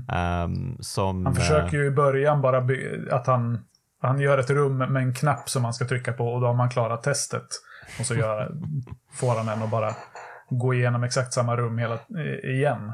Mm. Och märker att, nähä, mm, gav inte riktigt den effekten jag hoppades. Ja, ja, vi, vi fortsätter vidare och så märker han ju att det börjar avta. Mm. Allt eftersom. Jag gillar och blir också frustrerad. Jag gillar också att alltså, han har ju egentligen, förutom det här första rummet då kanske, men, men sen när det kommer liksom riktiga testrum så är det ju liksom testrum som Glados har gjort som han har hittat. Mm. ja, här fanns det mer testrum. Och så har han försökt liksom sätta sin egen prägel på det genom att helt enkelt skriva test med jättestora bokstäver. Ja. det är liksom det enda han kan bidra med för att han är ju en idiot helt enkelt. Yeah. Uh, så det är härligt, så då får man göra en massa nya testrum um, och uh, Glados kan inte hjälpa till för uh, det liksom bryter mot hennes eh, programmering. Mm. Så att, eh, ja, det om det. Och det är roligt att även att när de stöter på Wheatley första gången så försöker ju eh, Glados sänka Wheatley genom att slänga iväg en, eh, vad är det nu, ett, något sorts... En paradox. En paradox, precis. Nu minns jag inte vad det är hon säger, men det var väldigt kul att Wheatley bara, jaha, ja, ja, jag förstår inte riktigt. Nej. Alltså, han, är för, han är för dum för att fatta att, paradoxen. This statement is false. Och så säger han, uh, true. No false, no true. Och så, ja. Ja.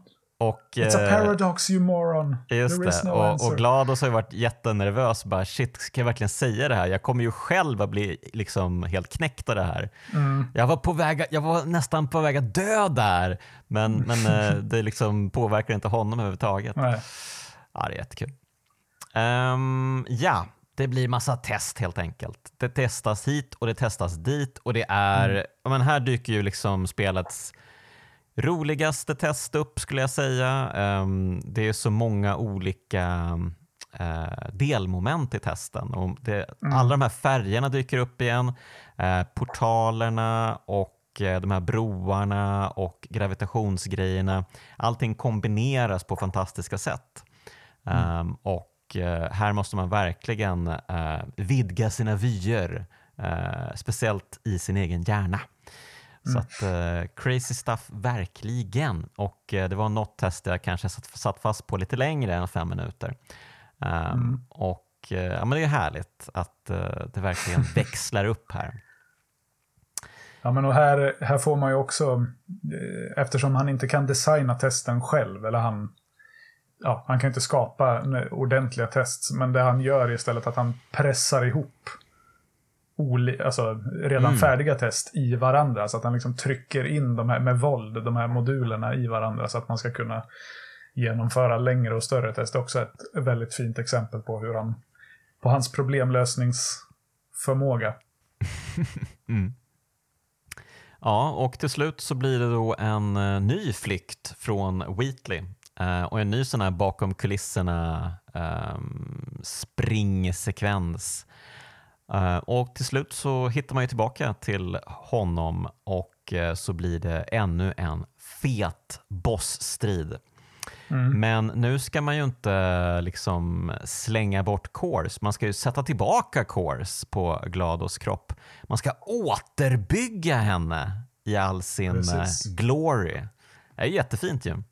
Man ska öka core corruption till 100 procent. Det blir en härlig cirkelkomposition kring eh, ettan och tvåan här verkligen. Mm. Um, så att, eh, ja, det är en, ännu en episk bossfight som slutar ja, men med uh, hela spelseriens mest mind-boggling grej. Man sätter en portal på månen. Ja, för man har ju fått lite, lite foreshadowing nere, i, nere hos Cave Johnson om att det, var ju, det är ju faktiskt månsten man skjuter på. Mm. På de här väggarna. Så när... Ja, för, det, för det är också det att han, eftersom han inte... Eftersom han är en idiot så håller han ju på och sakta men säkert bryter ner hela det här stället. Han håller på och... Ja, han, han flyttar grejer hej vilt och han har sönder. Så att det är på väg att helt falla ihop. Mm. Och då under den här bosstiden så går ju taket sönder och det är fullmåne. Ja, och det är tydligt att eh, här är vi ju faktiskt väldigt nära ytan också. Det hade inte jag trott faktiskt, men vi är ju väldigt nära ytan. Eh, ja, nej men precis. Precis, så att man ser månen och eh, allting, liksom tiden fryser nästan. Mm.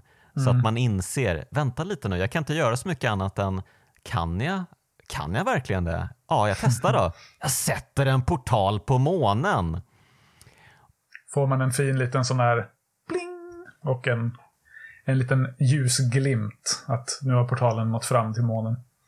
Ja, det är så fint alltså.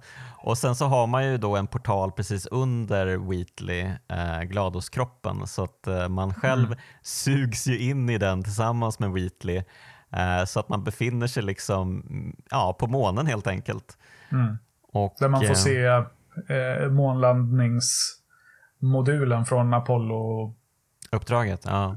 Ja, precis. Precis. Um, ja, och uh, det ser ut att sluta illa. Jag menar, vi befinner oss mitt ute i rymden, hallå. Um, men Glados har tagit tillbaka kontrollen uh, nere i anläggningen och uh, fimpar Wheatley. Han flyger ut i rymden och hon räddar faktiskt Kjell och stänger portalen. Och eh, det är ju lustigt, eh, jag antar att hon räddar, för hon säger ju sen då att eh, ja, jag tror att jag kommit i kontakt med den sida av mig som är Carolyn. Mm. Det kanske var den som fick mig att rädda dig nu för att jag kände liksom medlidande och medkänsla. Mm. Men nu när jag vet var den sidan av Carolyn är, den sidan som jag har, så ska jag radera den. Så nu är den borta. Nu är jag bara GLaDOS. Och då skulle hon ju hur lätt som helst kunna döda Kjell. Eh, för nu är hon ju bara en AI, en galen AI. Mm. Men hon är så jävla trött på henne. Ja. ja, det är också väldigt bra tycker jag. Att det bara är så, ja men du är så jävla svår att döda. Ja, killing uh, vi, you is hard. Ja, så att uh, vi kanske löser det här på enklast möjliga sätt. Att du bara får gå helt enkelt. Mm. Ja, varför inte? Det var fint. Blir man upphissad på riktigt den här gången till ytan. Just det, det, det är fint när hissen stannar och så är det ett gäng kulsprutetorn som står och siktar på en. Mm. Men så åker man vidare och sen så liksom öppnar det upp sig att det är liksom en, en, um, en stor orkestersal med kulsprutetorn och en så här gigantiskt kulsprutetorn som är någon sorts operasångerska. Och så mm. blir det en jättefin liksom melodi som alla liksom sjunger med i. Ja, så fint. De, de är så bra på det där Valve. Att uh, få uh, the inanimate objects att uh, framföra så mycket känslor. Liksom. Ja, men verkligen. Ja, och sen slutet är också otroligt när man väl kommer upp till ytan. Vad är det man får se? Då är det ju lite gladiator-varning nästan. Då kommer man ju upp som på, då är det bara ett stort fält med högt, högt gräs. Eh, solen skiner och man har, man har kommit ut genom, det ser ut som ett litet skjul bara, en liten, ja men ett, ett förråd i princip som de bara har ställt mitt ute på den här jätte, jättestora ängen. Mm. Så går man ut där i solskenet och så vänder man sig om och får se att eh, The Companion Cube kastas ut mm. genom dörren och dörren smäller igen. Och sen är det slut. Ja, och eh, det här är ju kul tycker jag för att uh, i slutet på Portal 1 så får man ju se det absolut sista som sker då uh, efter att den här fina låten har spelats från Jonathan Colton, Still Alive så får man ju se en liten mellansekvens när kameran liksom vindlar sig ner i någon mörk hall och mm. som är liksom fullproppad med personlighetskärnor på olika hyllor. Mm. Och eh, längst in så finns det då ett litet bord med tårtan. Så tårtan var inte en lögn. Eh, jättefint ju. Och det är liksom ett ljus och sen mm. kommer det ner en robothand och eh, släcker ljuset släcker och så blir allt svart. Jättefint slut egentligen. Men, och det, i det rummet då, då finns det en companion cube, en, eh, en weighted companion cube med hjärtan. Men jag var alltid lite misstänksam mot den. För den, den är ju liksom helt perfekt, den är ju jättefin. Mm. Um, och nu i slutet på Portal 2, den Companion Cube som skickas ut, den är ju helt svedd. Ja. Så det är ju den riktiga Companion Cuben. Det vi fick se i slutet på Portal 1, det var ju inte alls den. Det är så fint att de verkligen bara, ja men här är den riktiga, den äkta mm. Companion Cuben. Den ska du ha med dig Kjell. Underbart. Och det, det, är nästan lite så att de bara, och ta ditt skit med dig när du går också. Ja, kastar exakt. ut den och smäller igen dörren. det, det, är inte bara, det är inte bara att, de, att man vill ge en fin av, eh, avskedsgåva, utan det är lite så här, ja men, jag är trött på dig, trött på din skit, här, ta det och stick. Mm. Ja, den här är visst din också. Ta ja, den med. Precis. Ja, Ja, fint. Så då kan hon, eh, det verkar ju liksom ha, möjligtvis så finns det inga mer människor i världen, uh, who knows liksom. Uh, man vet ju all skit som hänt i Half-Life-spelen liksom. Så Kjell kanske är helt ensam mm. i världen. Det är ju stora ja, liksom, vetesfält som rör sig genom här. Mm. Men då är det ju skönt att hon i alla fall har sin weighted companion cube med sig. Precis. Ja, vad fint. Ja, men det känns ju som, verkligen som ett avslut på, på den här berättelsen. Så det skulle ju vara... Ja, jag, jag är tveksam till om det kommer en... Mm. Jag det tror det kommer en Portal 3. Vi kan ju börja prata om det här. Um, vi kan ju mm. börja mm. med att prata om ett annat spel som både du och jag har spelat. Um, mm. um, ja, vad heter det? Uh, Aperture Desk Job heter det. Mm. Och, eh, och som eh, väl egentligen är en, eh, en demo på, eller för Steam-däcken. Mm. Exakt, en tech-demo som visar liksom allt man kan göra med Steam-däcken, alla kontrollerna och sådär. Um, och det är ju ett väldigt roligt halvtimme långt spel där man sitter mm. bakom ett skrivbord hela tiden och uh, typ säger ja till uh, olika saker som kommer förbi på ett uh, conveyor belt. Man är någon sorts uh, godkännare av något slag. Mm. Um, på olika saker. Och så dyker det upp en sån här personality core som heter Grady som också är jättefin, um, precis som um, uh, Wheatley. Mm. Och Grady kanske är lite mer grundad, han kan, verkar vara lite mer bright också. Mm. Så det är en fin liten historia som slutar med att man förs upp till vdn för Aperture Science, alltså Cave Johnson. Men Precis. det är inte människan Cave Johnson, utan det är faktiskt så att ja, Cave Johnson blev placerad i en, eh, liksom en AI, en dator. Uh, och det är den vi får träffa. Och Ett jätte, jättestort robothuvud Ja, i så hans det, avbild. det är ju fantastiskt att uh, vetenskapsmännen bara, ja men vi ska sätta in det i någonting som passar dig. Och så är det bara en sån här gigantisk, för att han har sånt jävla stort huvud liksom. Han är Ja. så, ja, han är egoistisk och tänker bara på sig själv. Så varför inte slänga in honom i ett stort huvud? Mm. Eh, jättekul. Och, eh, och han, han ber ju spelaren att eh, stänga av honom. Han eh, plågas ju av att bara, han sitter ju bara där i det stora huvudet och träffar ingen. Liksom. Eh, men tyvärr då, när de lyckas dra ur strömmen så går ju liksom reservströmmen på. Och då blir han så sur på dem och sparkar båda två. Liksom. Och så faller han ner i marken och så typ tar det slut ehm, där. Men vem vet, kanske är det Cave Johnson som är den stora skurken i Portal 3. Kan så vara. Vem, vem vet? Jag är kluven här. Jag vill, ju, jag vill ju ha en fortsättning och samtidigt inte. Ja, precis. Hmm. Ja, men det, det sägs ju i alla fall att eh, Valve håller på med ett nytt pusselspel. Det har ju Mm. kommit uppgifter om det. Ehm, och många hoppas ju på att det är Portal 3. Mm. Men, men, vi får se hur det blir med den saken. Det är säkert flera år eh, bort, det spelet. Ehm, ja, men eh, vi kanske även ska täcka då vår härliga liksom, co-op-tid vi hade tillsammans i det här spelet. Mm, just det. Icke att förglömma. Mm, för att eh, det är roligt för de, de pratar ju faktiskt om de här co-op-robotarna man spelar som eh, i slutet på Portal 2. Jag tror att det är så att Wheatley har hittat två robotar som han Mm. inser, ja men de kan ju utföra testerna, jag behöver inte Chell längre. Och det är då han börjar försöka döda henne och då är det då hon och Glados flyr från honom för att till slut Mm. sen då sätta P för honom. Eh, Och de här båda robotarna dyker upp sen i slutet också. De får en liten cameo eh, efter att Glados har räddat Shell från eh, månen. Så återfinns ju robotarna där. Atlas Ja, just och det. Peabody. Det hade jag glömt. Det har du rätt i. De står ju där och Yes. hjälper och till. som jag förstår det så utspelar sig sen co-op-uppdragen med de här två robotarna efter eh, singelkampanjen.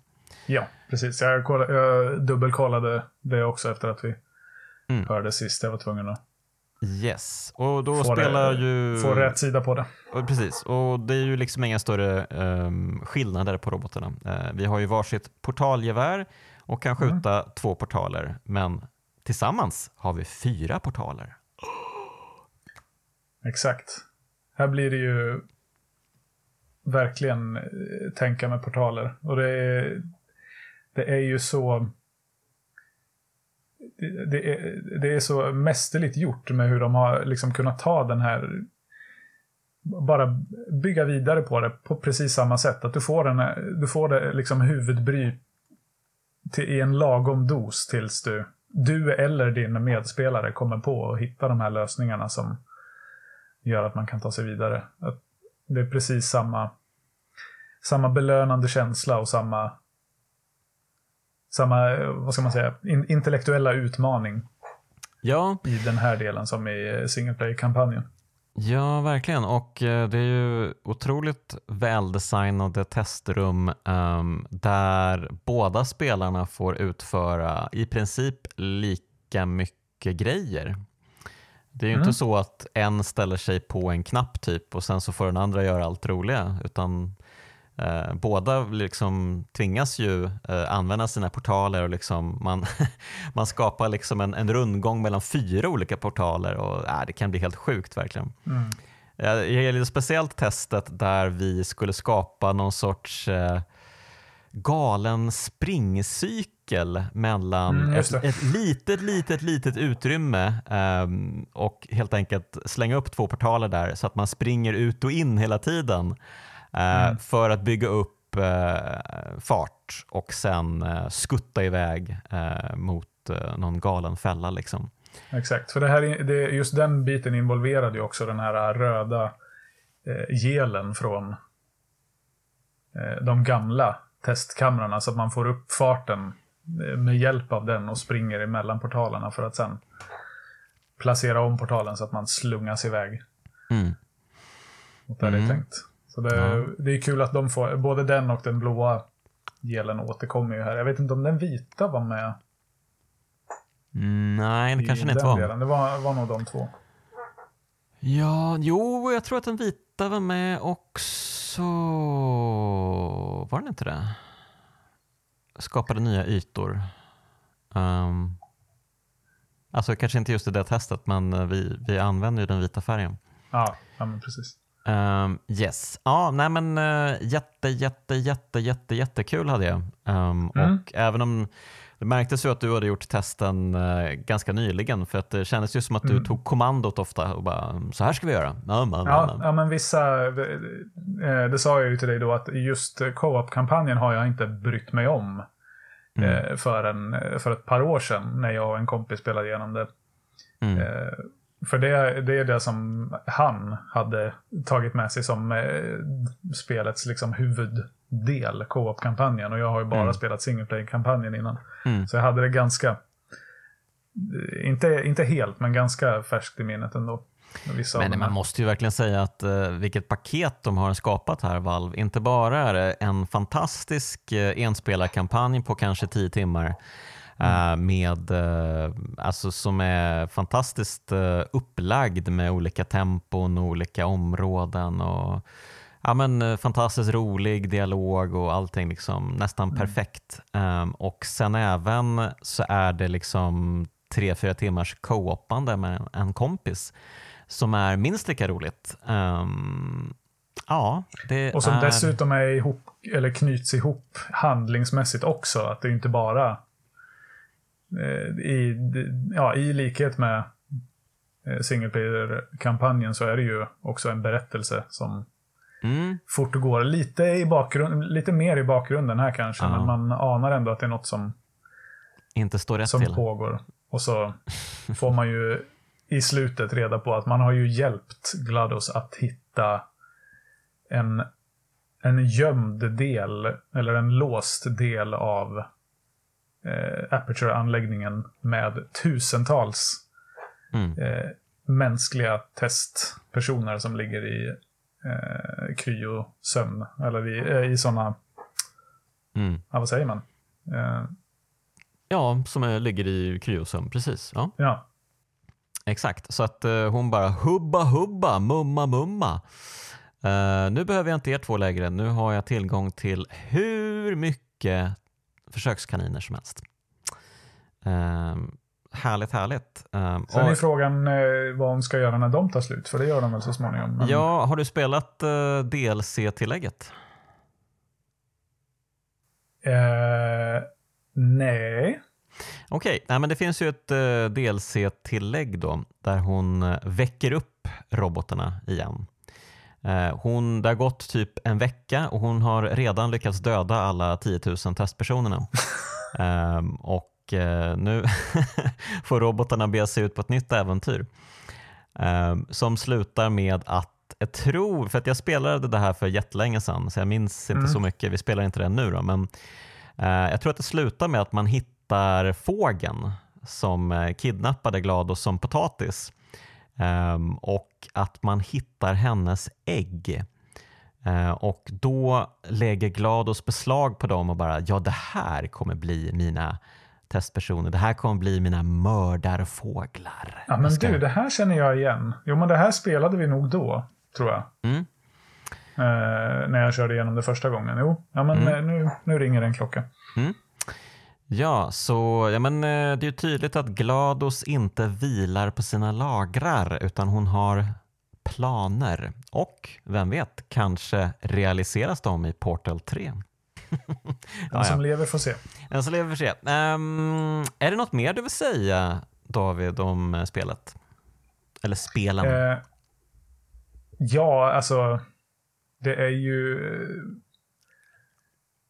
jag, det som gång på gång, även fast jag kan de här spelen väldigt bra redan, så slutar jag aldrig bli underhållen av dem. Mm. Just för att det är ju...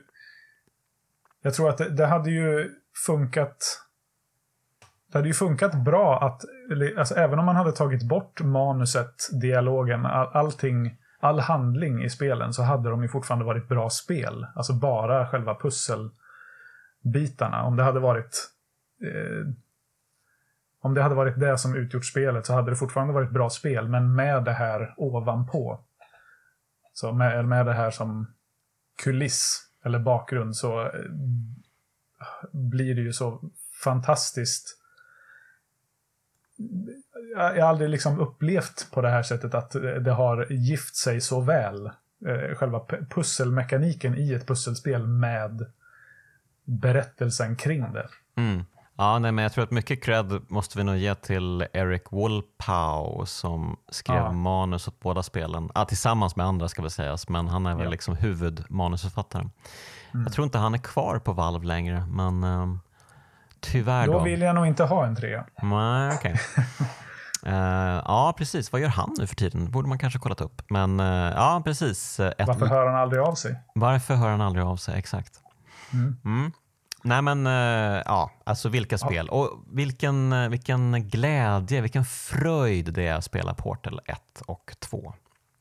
Ja, verkligen. Har du något, jag måste, har du något så här, favoritcitat som du har Oj, jag tror att jag redan har betat av uh, många favoritcitat. Mm. Uh, men det låter som att du har något du vilar på. Ja, jag, jag, har ju en som eh, jag lyckas, ofta lyckas jag glömma den för den kommer liksom i förbifarten. Men det är när, i den delen av, eh, av tvåan när Wheatley försöker ha ihjäl en.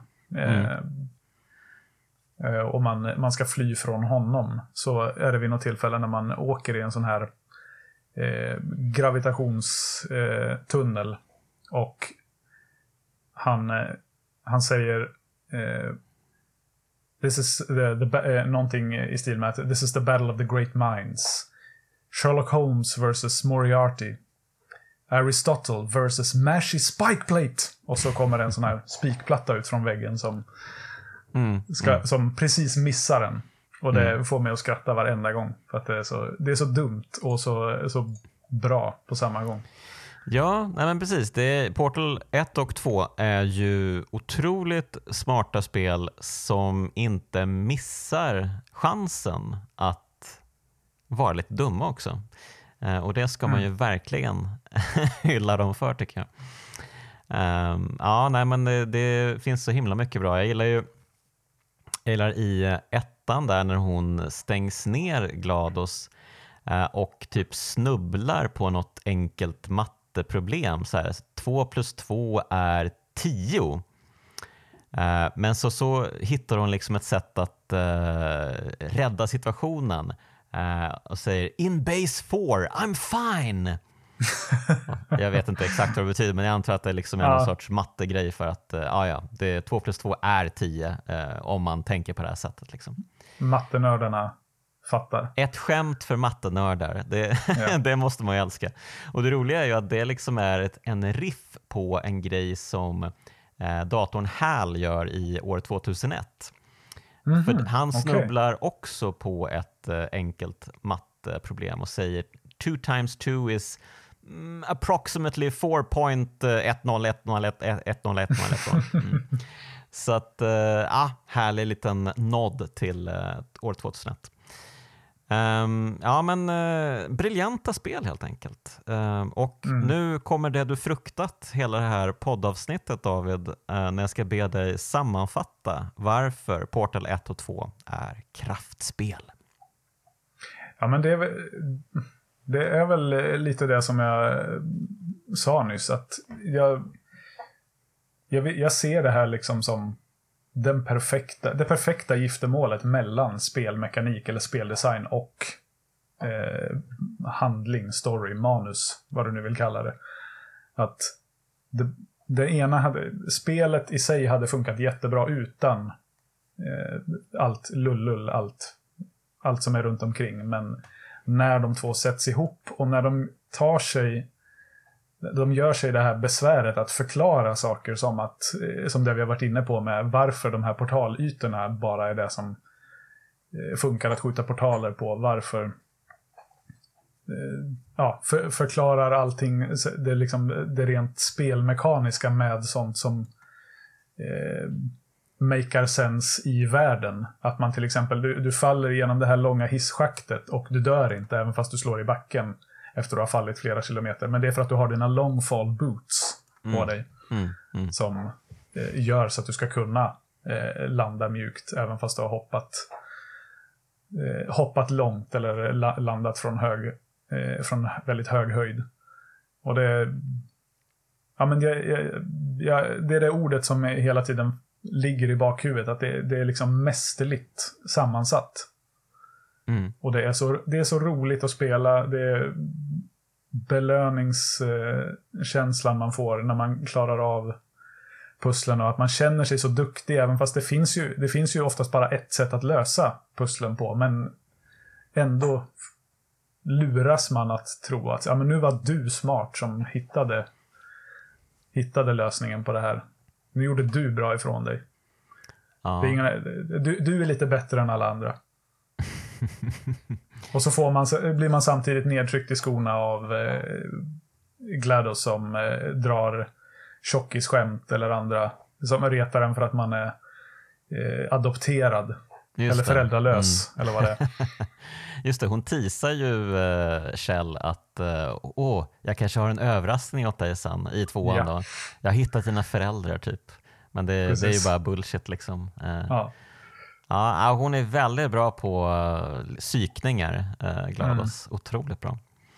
Nej, Mm. Men, då så eh, att de har tagit in de här fantastiska människorna, det är ju egentligen bara tre pers. Eh, GLaDOS, eh, Cave Johnson och Wheatley. Som, och, nu är det, och, nu är det väl mest eh, tvåan här jag tänker på, men det, som sagt, jag gillar, jag gillar inte att plocka isär spelen, utan det här, det, de, är liksom, de utgör en enhet för mig. mm, Att de har tagit in de här enastående röstskådisarna som verkligen de personifierar, de, för, de förkroppsligar de här karaktärerna. Ja, indeed. Och eh, det, kanske, det kanske är bra att man inte riktigt får liksom, se Cave Johnson prata utan att han bara är en, eh, en röst utan kropp. Um, Jag Mm. tror att det passar J.K. Simmons ganska bra men det är ju fantastiskt hur de liksom har gett eh, Wheatley eh, sin eh, kroppsmekanik och karaktäristik. Det är ju ett av de stora ingenjörsgenikonsterna här i Portal Mm. 2. Ja, äh, men vilka fantastiska spel. Verkligen, verkligen, verkligen kraftspel. Det kan vi väl alla vara överens om. Även de Ja, jag som är glad att ändå att det inte var någon som hade norpat dem innan, så att jag fick chansen att komma hit och Mm. sitta och prata nervöst om dem i, i timtal. Ja, vi har hållit på väldigt länge nu. Ehm, och eh, det kanske också innebär att det börjar bli dags att runda av. Eh, Jag kan fortsätta, jag, jag har mycket mer att ge. Vi skulle kunna sitta längre. Jaha, säg något mer. Nej, det, ja, men då, blir vi, då, då, då kommer det hålla på alldeles för länge. Jag kan, men eh, jag kan fortsätta och höja det här till skyarna. Tills jag dör. Ja, nej men, eh, tack så mycket David för att du var med i Kraftspelen. Då. Jättestort tack att jag fick vara här. Och eh, självklart ett stort, stort tack till alla er som lyssnat och er som är Patreons. Det uppskattar jag så himla mycket. Tack, tack, tack. Och även ett stort tack till de finfina pojkarna i Bitpop-bandet 047 som gör musiken. Här kommer den och det innebär att vi, vi hörs igen nästa vecka.